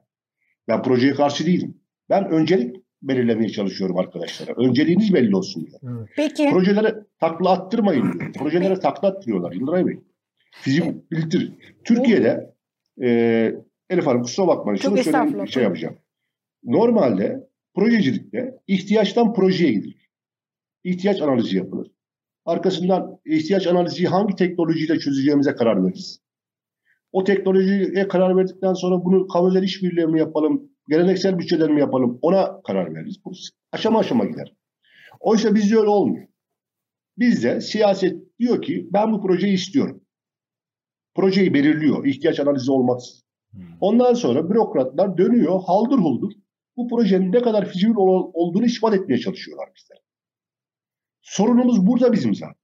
Siz Atatürk Havalimanı'nı kapatıyorsunuz. Bir pistte 2,5 milyara hallolabilecek bir işi 11 milyar dolara e, İstanbul'un kuzeyine bir havalimanı yapıyorsunuz. Mevcut şehir hastanelerini kapatıyorsunuz. Devlet hastanelerini. Şehrin dışında şehir hastanesi yapıyorsunuz.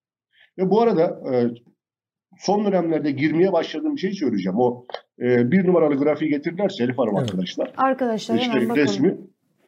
Atatürk Havalimanı kapatılıp İstanbul Havalimanı yapıldığında kaybettiğimiz zenginliğimize bir bakar mısınız şurada? Ee, Allah'ınızı severseniz. %72'si İstanbul Havalimanı orman arazisi. %6'sı mera, fundalık, kuru tarım arazisi ve özel mülkiyet. %8'i göl. %14 bize söylenilen maden ocaklar. %86'sı bizim tarım arazimiz, içme suyumuz, göllerimiz, göletlerimiz. Varlığımız, şey, zenginliğimizi kaybediyoruz. Ee, Kuzey Marmara Otoyolu hakeza öyle. Çanakkale Köprüsü hakeza öyle. Ee, tarım alanlarını kaybediyoruz. Ondan sonra da tarımsal üretim geriliyor. Tarım alanları geriliyor. Ee, ondan sonra da gıda fiyatları aldı başını gitti diyoruz. Ee, ikinci resimde gösterirseniz İstanbul Havalimanı'nın nasıl bir panoramadan vazgeçtiğini de görürsünüz orada yani. Arkadaşlar bir de onu gösterirlerse. Bu kanal İstanbul içinde geçerli, diğer yollar içinde geçerli. Ya şu alanları kaybediyoruz. İstanbul Havalimanı yapmak için şu alanı kaybettik Kuzey Marmara Otoyolu'nda. Vay vay. Yani benim derdim bu. Yani biz e, sürdürülebilir kalkınma, babanızdan aldığınızı evladınıza devredeceksiniz. E, babamızdan aldığımız bu tarım alanlarında evladımıza devretmiyoruz. Evet. Benim derdim bu Yıldır abi. Bir de metrosu yok hala. Yani e, Evet. diğer e, kullanılmayan havalimanının metrosu var ama bu uzaktaki havalimanının metrosu yok ve yıllardır da Ya bitmiyor. Yıldıray Bey, Yıldıray Bey ben fizibilitesizlik derken gerçekten yani şey diye değil yani yatırım düşmanı olduğumdan falan filan değil.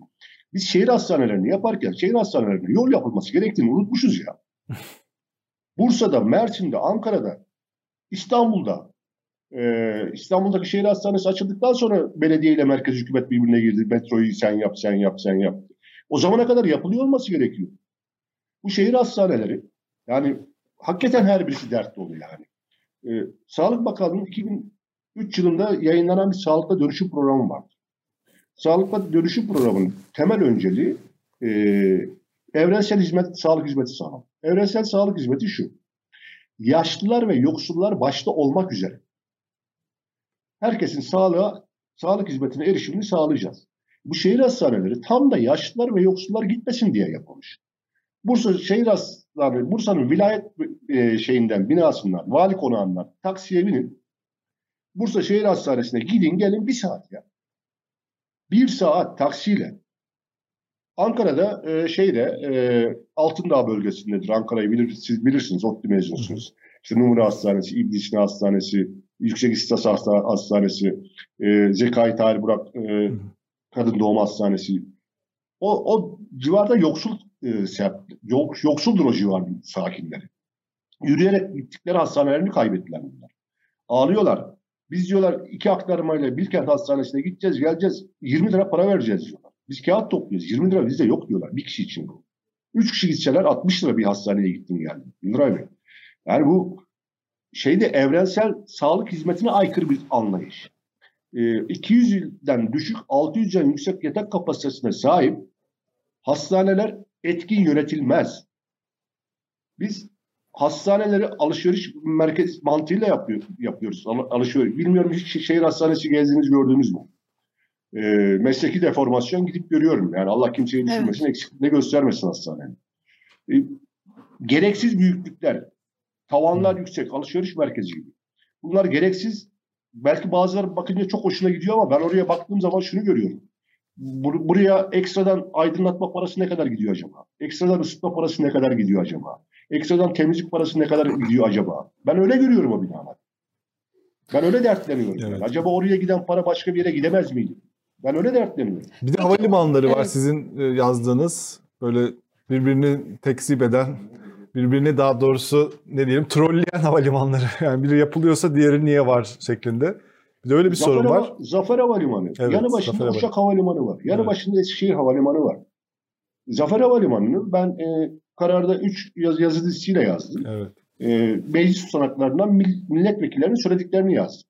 Benim tam dediğim gibi e, eser ve ihtiyaç e, şey e, projeden ihtiyaca nasıl gittiğinin en iyi göstergesidir. Bölge milletvekilleri söylüyorlar. Şu andaki Kütahya Belediye Başkanı e, Milliyetçi Hareket Partisi'nin Ali Işık Beyefendi. O dönem e, bu şey yoktu. Cumhur İttifakı yoktu 2011-12 yıllarında.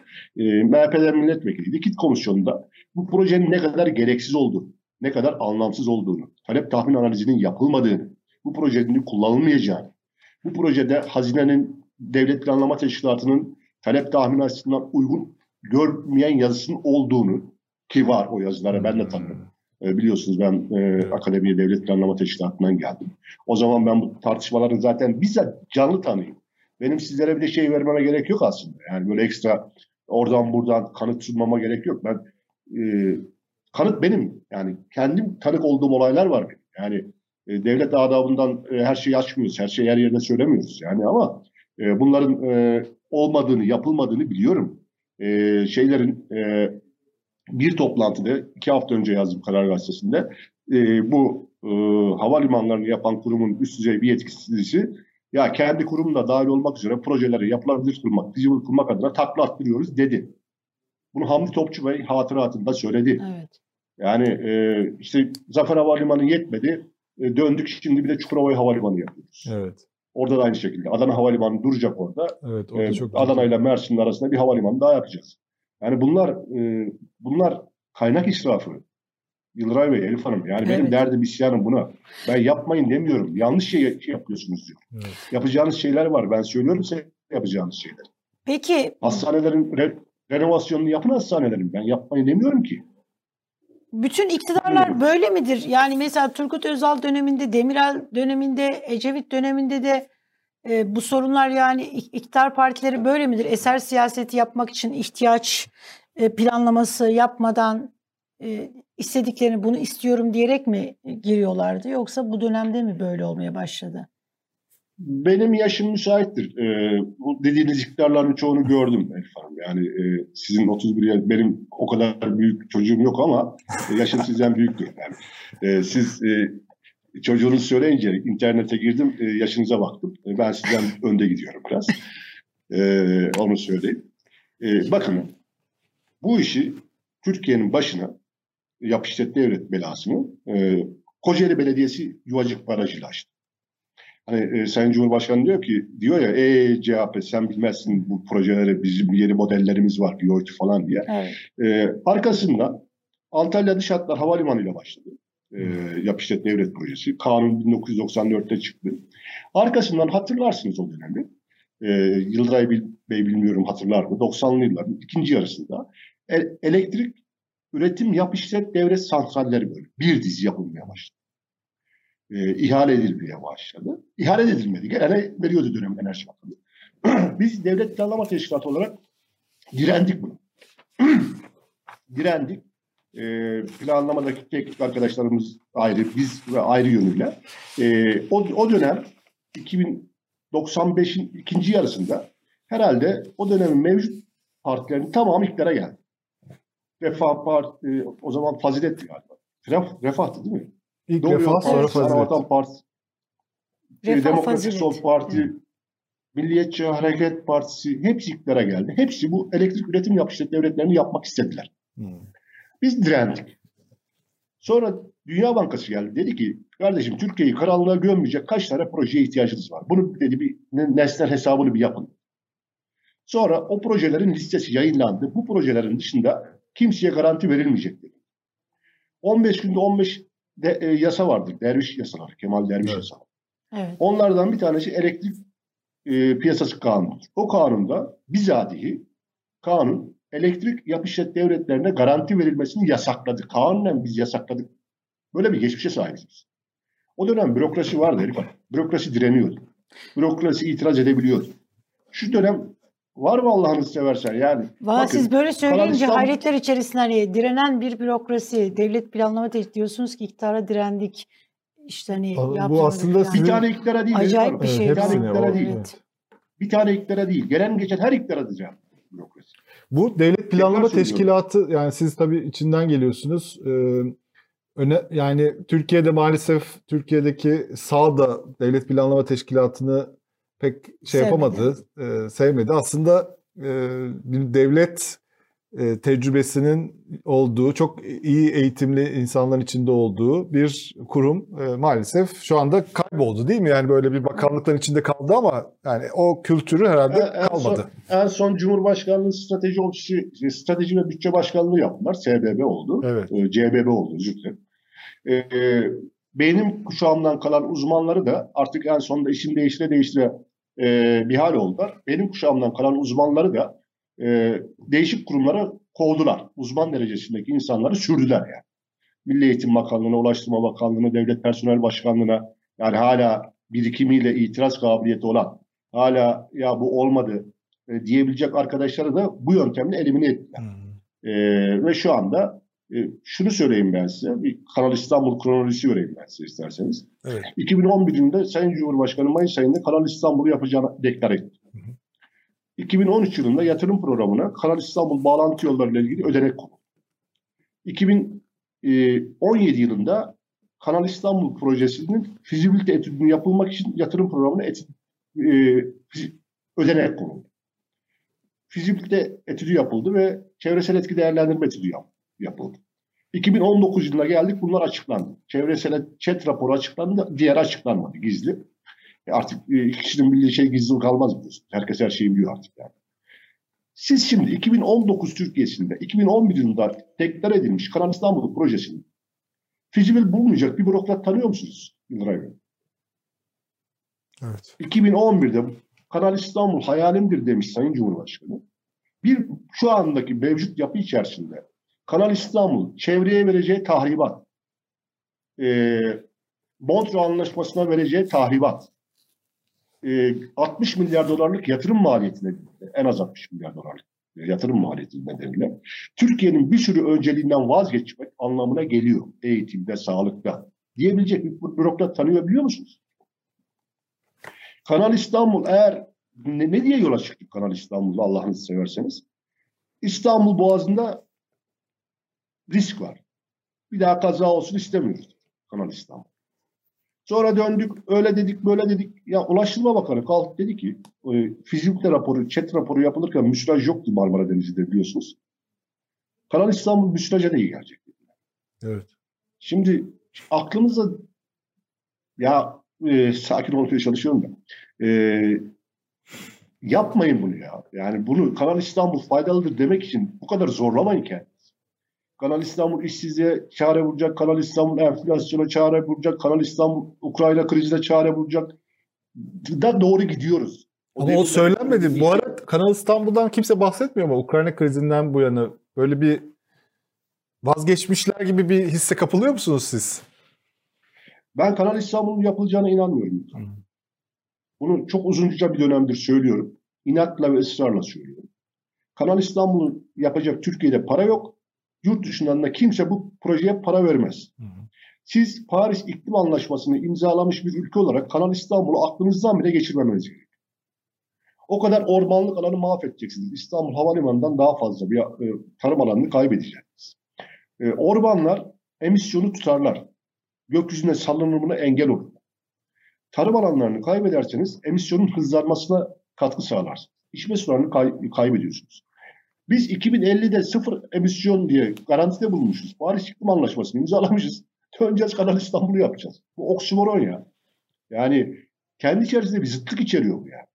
Dünyada buna para verecek kimse yok. Bir ihtimal Çin verirler. Bir ihtimal. Ee, eskiden verir diyordum, şimdi düşürdüm ihtimali. Çünkü Birleşmiş Milletler'in sorumlu bankacılık ilkelerinde anlaşmasını imzalayan 16 tane Çin bankası var. O anlaşmayı imza attıktan sonra Kanal İstanbul'a kredi veremezsiniz. Nitekim dönün bakın İstanbul Havalimanı'nda yurt dışı kredi bulamadık biz. Kuzey Marmara Orta Ormanı'nı mahvediyorsunuz. Gebze İzmir otoyolunda yurt dışından kredi bulamadık. Türk bankaları veriyorlar. Yani öyle bir e, mekanizma kurulmuş ki e, şimdi buralara kredi vermeyen e, Batı bankalara şey Hasan Keyf hatırlarsınız belki. Evet. evet. Almanya Alman Almanlar önce kredi vermişlerdi. Sonra dediler ki Türkler çevreye zarar vermeyecek önlemler almıyorlar. Bizi kandırıyorlar dediler. Kredileri iptal ettiler. Evet. Yani şimdi bu göz önünde dur, dururken bence siyasi bir söylem. Ee, ki Sayın Cumhurbaşkanı'nda geri vites yok biliyorsunuz. Artık bunu söyledikten sonra vazgeçtim demeyecektir onu. Ee, ama ben yapılacağına inanıyorum. Bu şeyi sormak istiyorum size. Tekrar bu Çanakkale Köprüsü'nün ücreti yani geçiş ücreti de tartışıldı. Hani geçenlerden geçiş ücreti, geçmeyenden para, köprünün parası. Ee, mecliste de tartışıldı ve Bülent Turan da buna bir şey getirdi. Dedi ki Kömürhan Köprüsü'nden de ben geçmiyorum ama oranın parasını veriyorum. Bu devletin vatandaşa verdiği bir fırsattır, imkandır dedi. Ee, 200 lira olması normal mi? Yani Türkiye'nin en büyük para birimi. para birimi. Yani biz bu kadar zengin miyiz? Refah seviyemiz bu kadar yüksek mi? En büyük para birimimize köprüden köprü geçiş parası. Ya da ben belki hayatımda belki yani işte hani bir tatile falan oralarda gidersem e, en fazla beş kere belki ömrü hayatımda geçeceğim bir köprünün parasını niye ben şu anda bu kadar ekonomik kriz varken veriyorum? Bu soruyu sormak e, haksızlık mı? Yani absürt mü sizce buna itiraz etmek? Son derece meşru bir soru. Ee, keşke İstanbul'dan o bedava olduğu günlerde gidip gelseydiniz. Ee, o 30 bin kişinin içerisinde Tekirdağ'dan İstanbul'dan köprüden geçmeye gelenler vardı. yani e, hazır bedavayken hatta konforu 4-5 hani kere geçenler var karşılıklı. Ee, gidip gidip geliyorlar böyle e, bedavayken. Ya, keşke deneseydiniz. Hatta e, benim abimler Çanakkale'de ikamet ediyorlar. Hafta sonu buradalardı. O da geçmiş. Nevri'ye götürdüm dedi. Geçtik dedi karşılıklı dedi. Yaşlı bir adam var dedi. Ee, keşke siz de o vakit gideymişiz. ya oraya Ee, gidinceye kadar ödeyeceğim benzin parası. ya Ee, ya işte bilemiyorum. Astra Ee, yüzünden şöyle- pahalıya mal olurdu yani çok Şöyle bir şey. şey e, bir konfor benim- bu fantezi yani. Şimdi şey söylemiştim. e, bu projeden ihtiyaca gidiyoruz. Şimdi buradaki e, garantiyi ve e, ücretli bir rasyonel mantıkla hesaplandığını düşünmeyin. Yani vatandaşların trafik sayısı ve ödeme gücüne göre yapıldığını düşünmeyin sakın ola. Fizibilitede bunun yapılıyor olması lazım. E, financial e, sustainability diyorlar buna. Finansal olarak sürdürülebilir mi? Devlet bütçesinde sürdürülebilir mi? Vatandaşın bütçesinde sürdürülebilir mi? Ödenebilir mi? Affordability diyorlar buna yani. Bunun analizinin yapılması lazım. Bizdekiler bunu yapmıyorlar. Bir, şöyle yapıyorlar. Şimdi Çanakkale'ye köprü yapılacak. Tamam bu talimat geldi. E, sen bu eser siyasetin en e, standart örneğidir Çanakkale Köprüsü. Uzunluk 2023 metre olacak. Niye 2023 yılında açıyoruz? Cumhuriyetimizin 100. yılı. Derinlik köprünün bacakları 18 metre olacak. Niye? 18 Mart. Mart'ı andıracak. 18 metre mi gerekiyor? 17 metre mi gerekiyor bilmiyoruz. Evet. Uzunluk 2023 metre mi olacak? 2020 metre mi olacak? Bilmiyoruz. Bunlar resmi açıklamalar. Şimdi 2023 metre uzunluğunda 18 metre yüksekliğinde bir asma köprü yapıyorsunuz. Bir maliyet çıkıyor. 3 milyar dolar.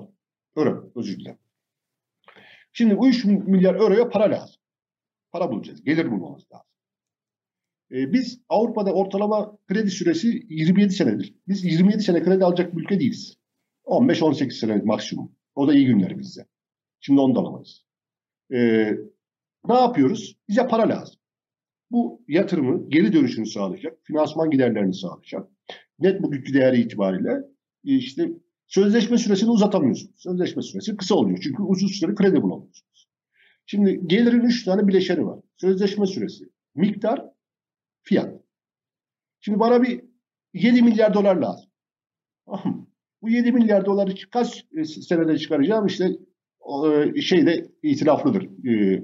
E, Yavuz Sultan Selim şey, Çanakkale Köprüsü'nün işletme süresi de itilaflıdır. Şirket yetkililerine göre 16 yıl, bakanlığa göre 12 yıl artık bilemiyoruz hangisi doğru. Ben 16 yıldan hesaplıyorum. E, şey lazım, ya miktarı yükselteceksiniz ya fiyatı yükselteceksiniz. Bunlar hem miktarı yükseltiyorlar hem fiyatı yükseltiyorlar. Yani o fiyat öyle vatandaş ödeyebilir mi fiyatı değil. Normalde Çanakkale Köprüsü'nün fiyatı, sözleşme fiyatı 285 lira olması gerekiyor. Ee, demin Osman Gazi Köprüsü'nde söylediğim gibi katkı payı. Ee, Cumhurbaşkanı e, köprüde biraz minimal, minimalist davrandı. 200 liracık dedi yani. E, pahalı mı dedi. Vatandaş da pahalı dedi. Bunu zaten ben vatan- vatandaştan duydum oradaki şeyi. Evet. Şimdi siz ödemeli misiniz? Soru bu. Ee, son derece meşru bir soru. Ben niye Çanakkale'deki şeyi ödeyeyim? Şimdi altyapı hizmeti 1980'lerde ticarileşti altyapı. Ee, eskiden kamu hizmetiydi, bedavaya sunuluyordu. Ama kamu fonlarıyla bu yatırımları yapamadığımız ortaya çıkınca kullanıcılar da katkı sağlasın denildi. Şimdi eğer altyapı ulusa topyekun fayda sağlıyorsa hepimiz beraber ödeyeceğiz Elif Hanım. Kusura bakmayın sağlıklı insan istiyorsa sağlık harcamalarını bedava hepimizin vergisiyle gerçekleştireceğiz. Eğitimli insan istiyorsa kusura bakmayın hep beraber eğitimli okulların parasını hep beraber ödeyeceğiz. Tüm Buna kimsenin itirazı yok ki. Güvenlik önemliyse savunma harcamalarımızı bütçeden ödeyeceğiz.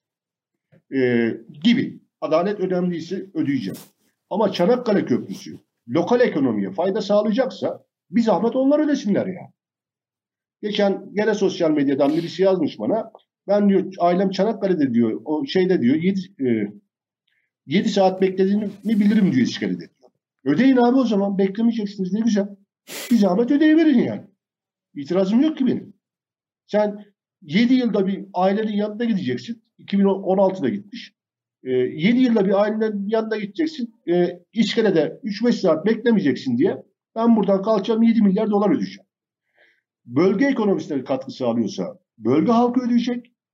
Ulusal ekonomiye katkı sağlıyorsa bu ulus ödeyecek. Ölçü bu. Evet. Yani şimdi mesela doğru. hava yeni havalimanı yani Avrupa'da e, ge- gelişmiş ülkeler ekonomisi iyi bütün hani böyle şey, Türkiye gibi şey sorunları yok.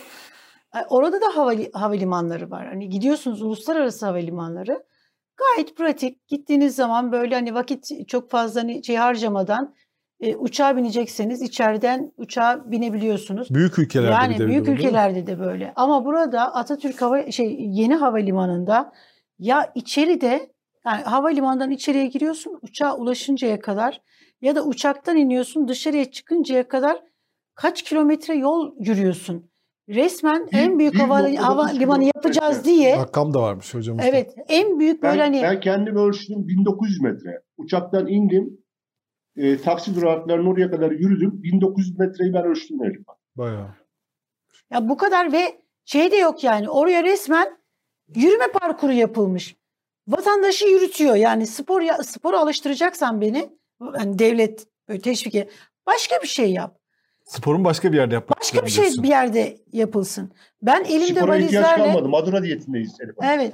Yani niye bu kadar ya etrafta bir şey de yok. Hani ihtiyaçtan e, o yürüme parkurları şeyler yapılmış olsa mer hani o yürüyen bantlar falan ne kadar kel alaka. Yani sadece bir şey var ya o büyüklük siz de söylüyorsunuz. Hmm. En büyüğü bizde olsun. En büyüğü bizde olsun. Bir süre orada bu kadar lüzum. körüye mesela yanaşmıyor Zaman- uçaklar çok. Yani mi? Çok zaman ama zaman şekilde. hiç önemli değil. Yani harcanan Ya- zaman israfı. Bunun Büyük hiçbir yok. derdindeyiz işte. O havalimanındaki o gereksiz büyüklükler, AVM mantığıyla, Evet. e, gereksiz yükseklikler, gereksiz genişlikler. E, bunu bunu e, aslında Sayın Cumhurbaşkanı e, samimi biçimde söyledi ya. İstanbul'a 1 milyon konutluk bir şehir kurulacak. Evet. Kuzey Marmara bir konut projesi. İstanbul Havalimanı bunun bir parçasıdır. Kuzey Marmara Otoyolu bunun bir parçasıdır. Kanal İstanbul bunun bir parçasıdır. Kanal İstanbul'da e, şey yapacaklardı, yat limanları falan yapacaklardı. E, lojistik üssü yapacaklardı. Hatta oraya bir kongre merkezi falan yapacaklardı. Sonra vazgeçtiler, kongre merkezi lüks olur diye orayı da konut yaptılar. Yani e, konuta çevirdiler şeyini, e, imarını. E, bu deminki söylediğim hem eser siyaseti hem de rahat siyaseti yaparım. Rahat, rahat söyleyelim artık. Yani Biraz endişelenebildiğimiz böyle şey var durum. hani bu şatafat ve büyüklük böyle her şeyin yani şey de var hani siz eser siyaseti diyorsunuz nitelik değil nicelik yani mesela okullaşma işte hani diyelim ki şeyde de bu dikkatimi çekti benim Yargıtay binası yenilendi Yargıtay binasını Cumhurbaşkanı Erdoğan anlatırken bir müteahhit gibi anlattı. Kaç odası var, kaç işte başkan odası var, hani içerideki konforlar ne, e, hangi ürünler kullanıldı filan. E, ha, mesela okul diyor, okul e, derslikleriyle anlatıyor. Şu kadar derslik, şu kadar işte tahtası var, bu kadar sınıf açtık. Ama hani, hiç şey duymuyoruz. Eğitim kalitesinde Türkiye nereye geldi? E, her şehre bir üniversite ama adalet hizmetlerinden bahsederken cezaevi ve adalet sarayı sayısını da açıklıyor. tabii tabii tabii. Hukuk üstü- Yani kocaman adalet sarayları. bahseden yok. Evet. Mülkiyet haklarının korunmasından bahseden yok. Yani doktorlara e, Sayın Cumhurbaşkanı elinize yüzünüze gör, dursun. O şehir hastanelerini size kim yaptı diye. E, hastaneyle doktorlara e, doktorların minnet duymasını bekliyor. Evet. Şehir Evet. hastanelerindeki doktor arkadaşlarımdan duyduğum şikayetleri size bir anlatsam tek başına program olur. E, orası kampüs biliyorsunuz şehir hastaneleri. Evet. Ee, şimdi Bilkent Şehir Hastanesi'nde e, ameliyathaneler bir, bir tane binada. Yüzden fazla ameliyathane var. Ee, şimdi kardiyoloji merkezi öbür binada. Kanser mer- şeyi öbür binada. Doktorlar diyorlar ki biz hastayı ameliyattan sonra yoğun bakımdan çıkarmaya korkuyoruz. Allah göstermesin. Poliklinikte başına bir şey gelirse geri ameliyathaneye yoğun bakıma gelesiye kadar öldürürüz hastayı. Allah Allah. Oo. Böyle şeyler oluyor yani şu anda. Evet, evet. Yani orada e, doktorların söyledikleri bir şu.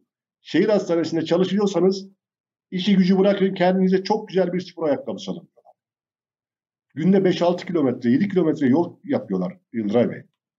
Yani bu, bu bina, bina, bina, bina, bina, bina yani e, başka bir şey konuşuyoruz biz artık. Evet. Çok enteresan. Yani var. Yargıtay binası, şu kadar cezaevi yap, bu kadar adalet sarayı yap. Vilayet binaları var böyle. ilçe vilayet binaları var. Yani bayağı bir ilçe oraya girer yani. Aynı anda. Ya, Kocaman. Ben ad- adalet deyince ben hukukun üstünlüğünü anlıyorum. Mülkiyet haklarının korunmasını anlıyorum. Sözleşmenin e, özgürlüğünü anlıyorum.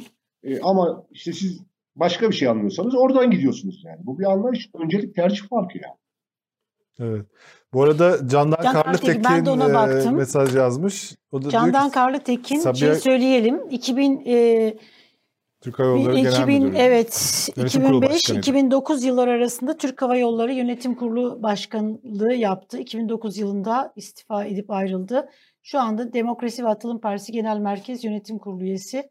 Sen istersen oku attığı mesajı. Bu, Ben ben ben ben bir şey söyleyeyim de ondan sonra okusun Yıldıray Bey. Hı E, Candan Bey Devlet Planlama Teşkilatı'ndan benim mesai arkadaşımdır. Evet.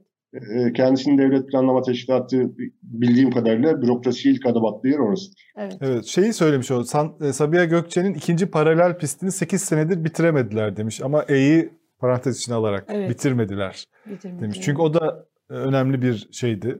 Oranın büyütülmesi de mümkündü Sabiha Gökçen'in de. Zaten bunu daha önce de bir kere söylemişti galiba Evet. şeylerde. Candan Bey çok iyi tanıktır. O müzakerelerin yapıldığı dönemde hava yollarında mıydı bilmiyorum. Hamdi Topçu Bey'in hatıratında yazar 2011-12 yıllarında. Evet. Ee, diyor ki biz İstanbul Hava Atatürk Havalimanı'nda bir pist daha yapsaydık diyor. Halledecektik bu işi diyor. Evet. Ee, ve fakat ancak diyor devlet hava meydanları tarafından gelenler diyor tembihlenmişler diyor. Pistle çözülmeyeceğini havalimanıyla çözüleceğini e, ısrar etmişler. Ve diyor ki 3. dönem Bilal Bey'in diyor e, arkasında bir eser bırakmak istiyorum diyor kitabında. Hmm. E, Binali Bey tabii eser bırakacak şey değil tabii. Eseri kimin bırakacağını biliyoruz hep beraber yani. Ve diyor ki kısa bir şartnameyle yola çıkıldı diyor İstanbul Havalimanı için. Göç yolda düzelir mantığıyla hareket edilir. Yani benim de söylemek istediklerim bunlar. Ben biraz daha sayılara vurarak söylüyorum ve e, yelpazeyi genişletiyorum. Candan Bey'in dediği son derece doğrudur. Sabiha Gökçen Havalimanı'na ve İslam Atatürk Havalimanı'na birer tane pist yapılmış olsaydı İstanbul'un hava trafiği sorunu çözülmüştü. Evet. evet. Yani 11 milyar dolara. Ya ben e, bunca zamandır projecilik çalışıyorum. Uluslararası gelişmeleri de takip ediyorum. Dünyanın en iyi 3. havalimanının e, yıkılıp da başka yerine bir havalimanı yapıldığı örneğini görmedim ve duymadım. Eğer birisi bunu bana örneklendirirse çok da memnun olacağım. Yani. Sadece tabii bu şey değil bir de oranın yeriyle alakalı da sıkıntılar yani e, oraya bir havalimanı yapılması için uygun bir alan mıydı? Kaybettiğimiz tarım alanları. Bize şey diye anlattılar. Ee, biz buraya e, şeyler var, e, verimsiz alanlar var. Bunun altı taş ocakları dediler. Taş ocaklarının üzerine yapacağız dediler. İşte demin Siz e, çevresel gösterdiniz, etki evet. değerlendirme raporunda paylaştım size. %14'ü maden ocağı. %86'sı tarım alanı, içme suyu, orman alanı. Evet. Yani bir de onları kaybediyoruz. Ondan sonra dönüp gelip de ya Yıldıray Bey, Elif Hanım sizin yediğiniz maydanoz niye Antalya'dan geliyor ya? Maydanoz ya. Her toprakta yetişir. İstanbul niye maydanozunu kendisi üretip de yemiyor? Marulu niye kendisi üretip de yemiyor? İşte kaybediyoruz o alanları. O alanları kaybediyoruz. Ondan sonra da maydanozun fiyatı 10 lira olmuş 15 lira olmuş. Olacak tabii ki Şimdi yani. şey söyleyeyim size Uğur Bey. Şimdi Osman Cemal Kaygılı var. Eski böyle mesela e, yazdığı dönemde ismi İstanbul yazarı ve İstanbul vesikacısı olarak böyle tanımlanan birisi. Onun böyle İstanbul'la alakalı eski İstanbul'u anlattığı şey var. İstanbul aslında bir aynı zamanda tarım şehri de. Yani kendi böyle hani ihtiyacını, sebzesini Yedi kule marulu Ee, diye bir şey var ya. var. Evet. İşte Çengelköy çileği. her Evet, şey. Bayrampaşa'da enginar ondan Evet. sonra. Yani bunun gibi pek çok şey var. Ama betonlaşa betonlaşa bütün her şey bitti maalesef. Yani AK Parti'den geriye beton eseri, eser siyaset diyor ya betonlar kalacak. Beton şehirler. Ee, çok teşekkür Çok ediyoruz. teşekkür ederiz hocam. İyi ki Sağ olun. katıldınız programımıza. Um- Umarım umarım derdimi anlatabilmişizdir. Çok Ee, gayet iyi gayet anlattınız. güzel. Yazılarınızda da Yani- anlatıyorsunuz. Burada da Evet. çok teşekkürler. Çok kıymetli güzel yazılar oldu. kaleme alıyorsunuz. Ee, Yani e, her tercih bir vazgeçiştir. evet. Çok yani doğru. betonu tercih ederseniz başka bir şeylerden vazgeçiyoruz anlamına geliyor. evet. Benim derdim e, bu memleketteki hizmet kalitesinin artırılması, önceliklerin daha öncelikli işlere verilmesini istiyorum ben. Yoksa ben de her e, vatandaş gibi hayatı kolaylaştıran yatırımlardan mutluluk duyacağım tabii ki. Yani Evet. başka diyecek bir şey yok. yani. Sizin tabii bu uya- uyarılarınız daha e, bütün bu meselelerin daha açıkça konuşulabildiği bir daha şeffaf bir toplum olduğumuzda geriye dönük bakıldığında bu uyarıların kıymeti daha iyi anlaşılacak. Şimdi Evet. tam belki siz de hep yazıyorsunuz tam manzarayı bilmediğimiz için tam olarak ne olduğunu bilmediğimiz için e, bu belki şu anda tam anlaşılmıyor olabilir ne dediğiniz ama bu uyarıların bu tarihte yine de kayda düşülmesi çok kıymetli tabii ki. İleride daha değeri anlaşılacaktır bunun. O zaman şöyle söyleyeyim Yıldıray Bey, son sözümü kap- kapatacağım. Ben blogda yazmaya başladım Karar Gazetesi'ne gelmezden önce. Ee, kendi bireysel blogumda yazıyordum bu konuları. Ee, 2009 ya da 10 yılında açtım blogu. Planlama teşkilatından 2016 yılında ayrıldım. Yani 5 yıl devlet memuruyken blog yazmışım. Hmm. Osman Gazi Köprüsü'nü blogda yazdım. Ee, Yavuz Sultan Selim Köprüsü'nü blogda yazdım. Ee, ben bunun bu projelerin yatırım maliyetiyle değil gelir garantisiyle değerlendirilmesi gerektiğini söylüyordum hep o vakitler. E, Ama e, 2016 yılına kadar kimsenin ilgisini çekmedi benim blog. E, 2016 yılında niye e, insanların ilgisini çekti? E, Osman Gazi Köprüsü açılıp da ödemeler başlayınca Evet. millet burada bir tehlike varmış e, demeye başladı. Ben şöyle demeye başladım ondan sonra. Türk insanı gözüyle görüp beyniyle düşünmüyor, cöbüyle görüp cöbüyle düşünüyor. Evet. Yani Osman Gazi'nin bedenini görünce eyvah dediler. Evet orada başladı. o nedenle bunları da görecekler. Evet. Çok teşekkürler. Çok teşekkürler. İnşallah Ben teşekkür stüdyoda ediyorum. da sizi burada e, ağırlamak isteriz. Bir, İnşallah. Burada da. Peki. E, çok teşekkürler tekrar. Saygılar, hürmetler hocam. İyi yayınlar, Sağ sağ olun. olun. Sağ olun. Ne kadar güzel anlatıyor şimdi izleyicilerimiz arasında. Hani her şeye karşıydınız. S-400'e de karşıydınız diyen bir izleyicimiz var. Ona da e, S-400'e karşı ne oldu şimdi? e, S-400 devlet hastanelerine duruyor? de karşı çıktınız diyor. S-400 ne oldu? Üzerine dantel örtüldü bir yerde duruyor. Evet. Ondan sonra bir tane e, hayırlı iş söyleyin diyor savunduğunuz filan. Ya Kimse me- mevzu, Hayır, bir mevzu eser yapılmasın nasıl demiyor. Fa- faydalı eserler yani ihtiyaç olan eserler Evet. yapılsın deniyor.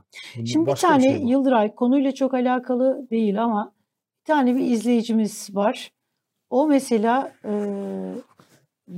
Ali Yılmaz diyor ki e, Ekrem İmamoğlu İmamoğlu diyor veya Mansur Yavaş belediye başkanlığından istifa etmeden Cumhurbaşkanlığı seçimlerine katılsın. Nasıl olacak o? Sayın Erdoğan da başbakanlıktan istifa etmeden CHP seçimine katıldı. Tamam, bambaşka şeyler. İkisi ayrı. Biri Ee, memur statüsünde, yani evet. şey kamu görevlisi statüsünde belediye başkanları. Evet. Başbakan değil. Şimdi böyle hani bir şeyler gönül neler ister neler ister ama hani Evet. e, İlk sizin aklınıza gelmedi yani şey yani bu. Onlar emin- insan emin üzerine düşünüyorlar yani bunu. E, emin olun Neyse, tamam. Adem Bey- Çözüm bulmaya çalışıyorlar bir şeyler. Evet, kendince. çözüm bulmaya çalışıyorsunuz ama bu böyle hani gönlümüz böyle istiyor bu da olsun. E, olmuyor böyle. Hani kayyum atanı hala işte. böyle işte kanunlar var, hukuk var, e, kurallar var.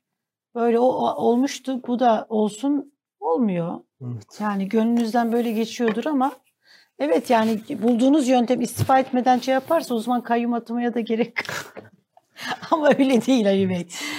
Bu arada Evet, bizim e, şeyde bu kayyum meselesi tabii haber oldu. Her yerde haber oldu. Biz itiraz ettik buna. Yani tabii o kısım yok haberlerde ama biz burada böyle o yani bunun yanlış bir şey olduğunu, Hı. yol olduğunu söyledik. Onda Ama not şey düşelim. vardı yani Twitter'da mesela Mehmet Ali Verçin filan da hani bizim itiraz ettiğimiz Ha, o kısımları yazmış da evet onu gördüm ama onun dışında Ee, haberlerde hani bu yok ya insanlar diyordur yani bunlar da çıkarıyor herkesi. Yani Özer Bey tabii ki fikirlerini söyleyecek. Biz hani böyle tartışma yapacak durumda değiliz yani çıkan konuklarımıza. Her teori- teoriklerine katılmıyoruz ama hani bir şekilde kendi şey rezervlerimizi koyuyoruz ama böyle bir tartışma ya. ortamına dönmesi doğru olmaz yani. Hani Evet. konukları e, saygısızlık olur. Ama orada itiraz ettik. Onu da kayıtlara not düşelim. Yok yani Ceyce üslubunca e, münazara etmek, tartışmak da güzel bir şey. E, en nihayetinde biz de dün Evet. bunu tartıştık ama tartışmak, kavga etmek böyle hani şey e, Tabii, yarışı tabii, değil. evet. E, tartışmalar aynı zamanda bir beyin fırtınasıdır. İtirazlar olur, şeyler olur. Tartışabiliriz de konuklarımızla. Ama şey değil yani burası böyle hani birisini alt etme, birisini böyle e, şey yapma yeri aşağılama, hakaret etme şey değil. E, belki biz tartışma, itiraz evet. ettiğimiz konuda biz haksız olabiliriz. Şey, şey değil ama medya böyle ya işte. Evet. Yani Bitirelim mi artık? bitirelim hadi. Bizden bu haftalık bu kadar sevgili izleyiciler. Ee, biz pazartesi gününe kadar Yıldıray'la beraber bir karar ver programıyla olmayacağız. Her hafta Ama olduğu gibi. Her hafta Bu hafta gibi. Temel Karamollaoğlu mu var? Bizim konuklarımız, sizin konunuz. Evet. Şimdi onların anonsunu. Onları yapıyoruz. Şimdi birazdan Yıldıray tekrar Akif Beki ile beraber karşınızda olacak. Denildiği için tekrar çekildi. Evet. Birazdan sahneye yoğun böyle şeyler üzerine tekrar Yıldıray Uğur çıkacak. Saat 16'da Osman Sert e, 15 dakika. Ankara gündemiyle Ankara'dan seslenecek sizlere. Saat 21.30'da da Taha Akyol'la birlikte Ankara'dan e, Karar TV ekranlarında olacağız. Saadet Partisi. Saadet Partisi lideri Sayın Temel Karamollaoğlu'nu ağırlayacağız. Sorularımızı soracağız. Sizin de varsa sorularınız iletirseniz mail üzerinden Bir ulaşabilirsiniz. şey duydum şeyler. ben onu sorabilir misin? Bu, Neyi? yani Dur bir dakika alayım şeyde- ben soruyu. Ee, en son e, şey toplantısında, altı lider toplantısında e, Temel Bey şey demiş, e, önümüzdeki ay yapmayalım. Ramazan ya gibi yani Ramazan olduğunu söylememiş de önümüzdeki ay yapmayalım sonraki ay yapalım gibi bir şey söylemiş. Meral Hanım demiş ki Temel abi demiş sen demiş geçersin önümüze namazımızı kıldırırsın demiş. Öyle bir şey yaşandı gerçekten. Ondan Ya sonra gülmüşler yapalım demişler o zaman. Böyle bir diyalog geçmiş. Ha, soracağım akşam. Sonra böyle bir diyalog Ekranda geçti. bekle. Tamam soruyu aldım. Bak buraya Meral yazdım. Hanım böyle bir Tam senin espri yapmış. cümlelerinle yazdım. Meral Hanım çok esprili birisi. Hmm. Acayip böyle esprili, çok böyle tabii o eski böyle hani siyasetçi olmasının şeyi de var. Acayip esprili ve hazır cevap yani güzel, çok zekice böyle hazır cevapları şeyleri var. Ee, Evet. evet, akşam 21.30'da da Temel Karamollaoğlu. İlk soruyu Yıldıray oradan aldım. Sizlerin de soruları olursa onları da alırız. Ee, tabii ben şeyi soracağım yani bu Gültekin Uysal'ın açıklamasına ne diyorsunuz filan diye Evet. bunları soracağım. Bir Ankara'dan nabız da yoklarım neler oluyor Bakalım, filan diye. haftaya anlatırsın. Evet, anlatırım. Görüşünceye kadar kendinize iyi bakın. Ya kanalımıza da bir abone olursanız şu programlarımızın linklerini, link Evet. diyorum, YouTube linklerini sosyal medya hesaplarınızdan her programı değil ama beğendiğiniz programları sosyal medya hesabımızdan paylaşırsanız eş dost böyle hani abone olması için söylerseniz hani bizler de bunları görünce Aa, biz ciddiye alınıyoruz deyip bize motivasyon sağlayın. Yani bu bir nevi böyle şey motivasyon desteği. Başka hiçbir şey değil. Ee, kendinize iyi bakınız.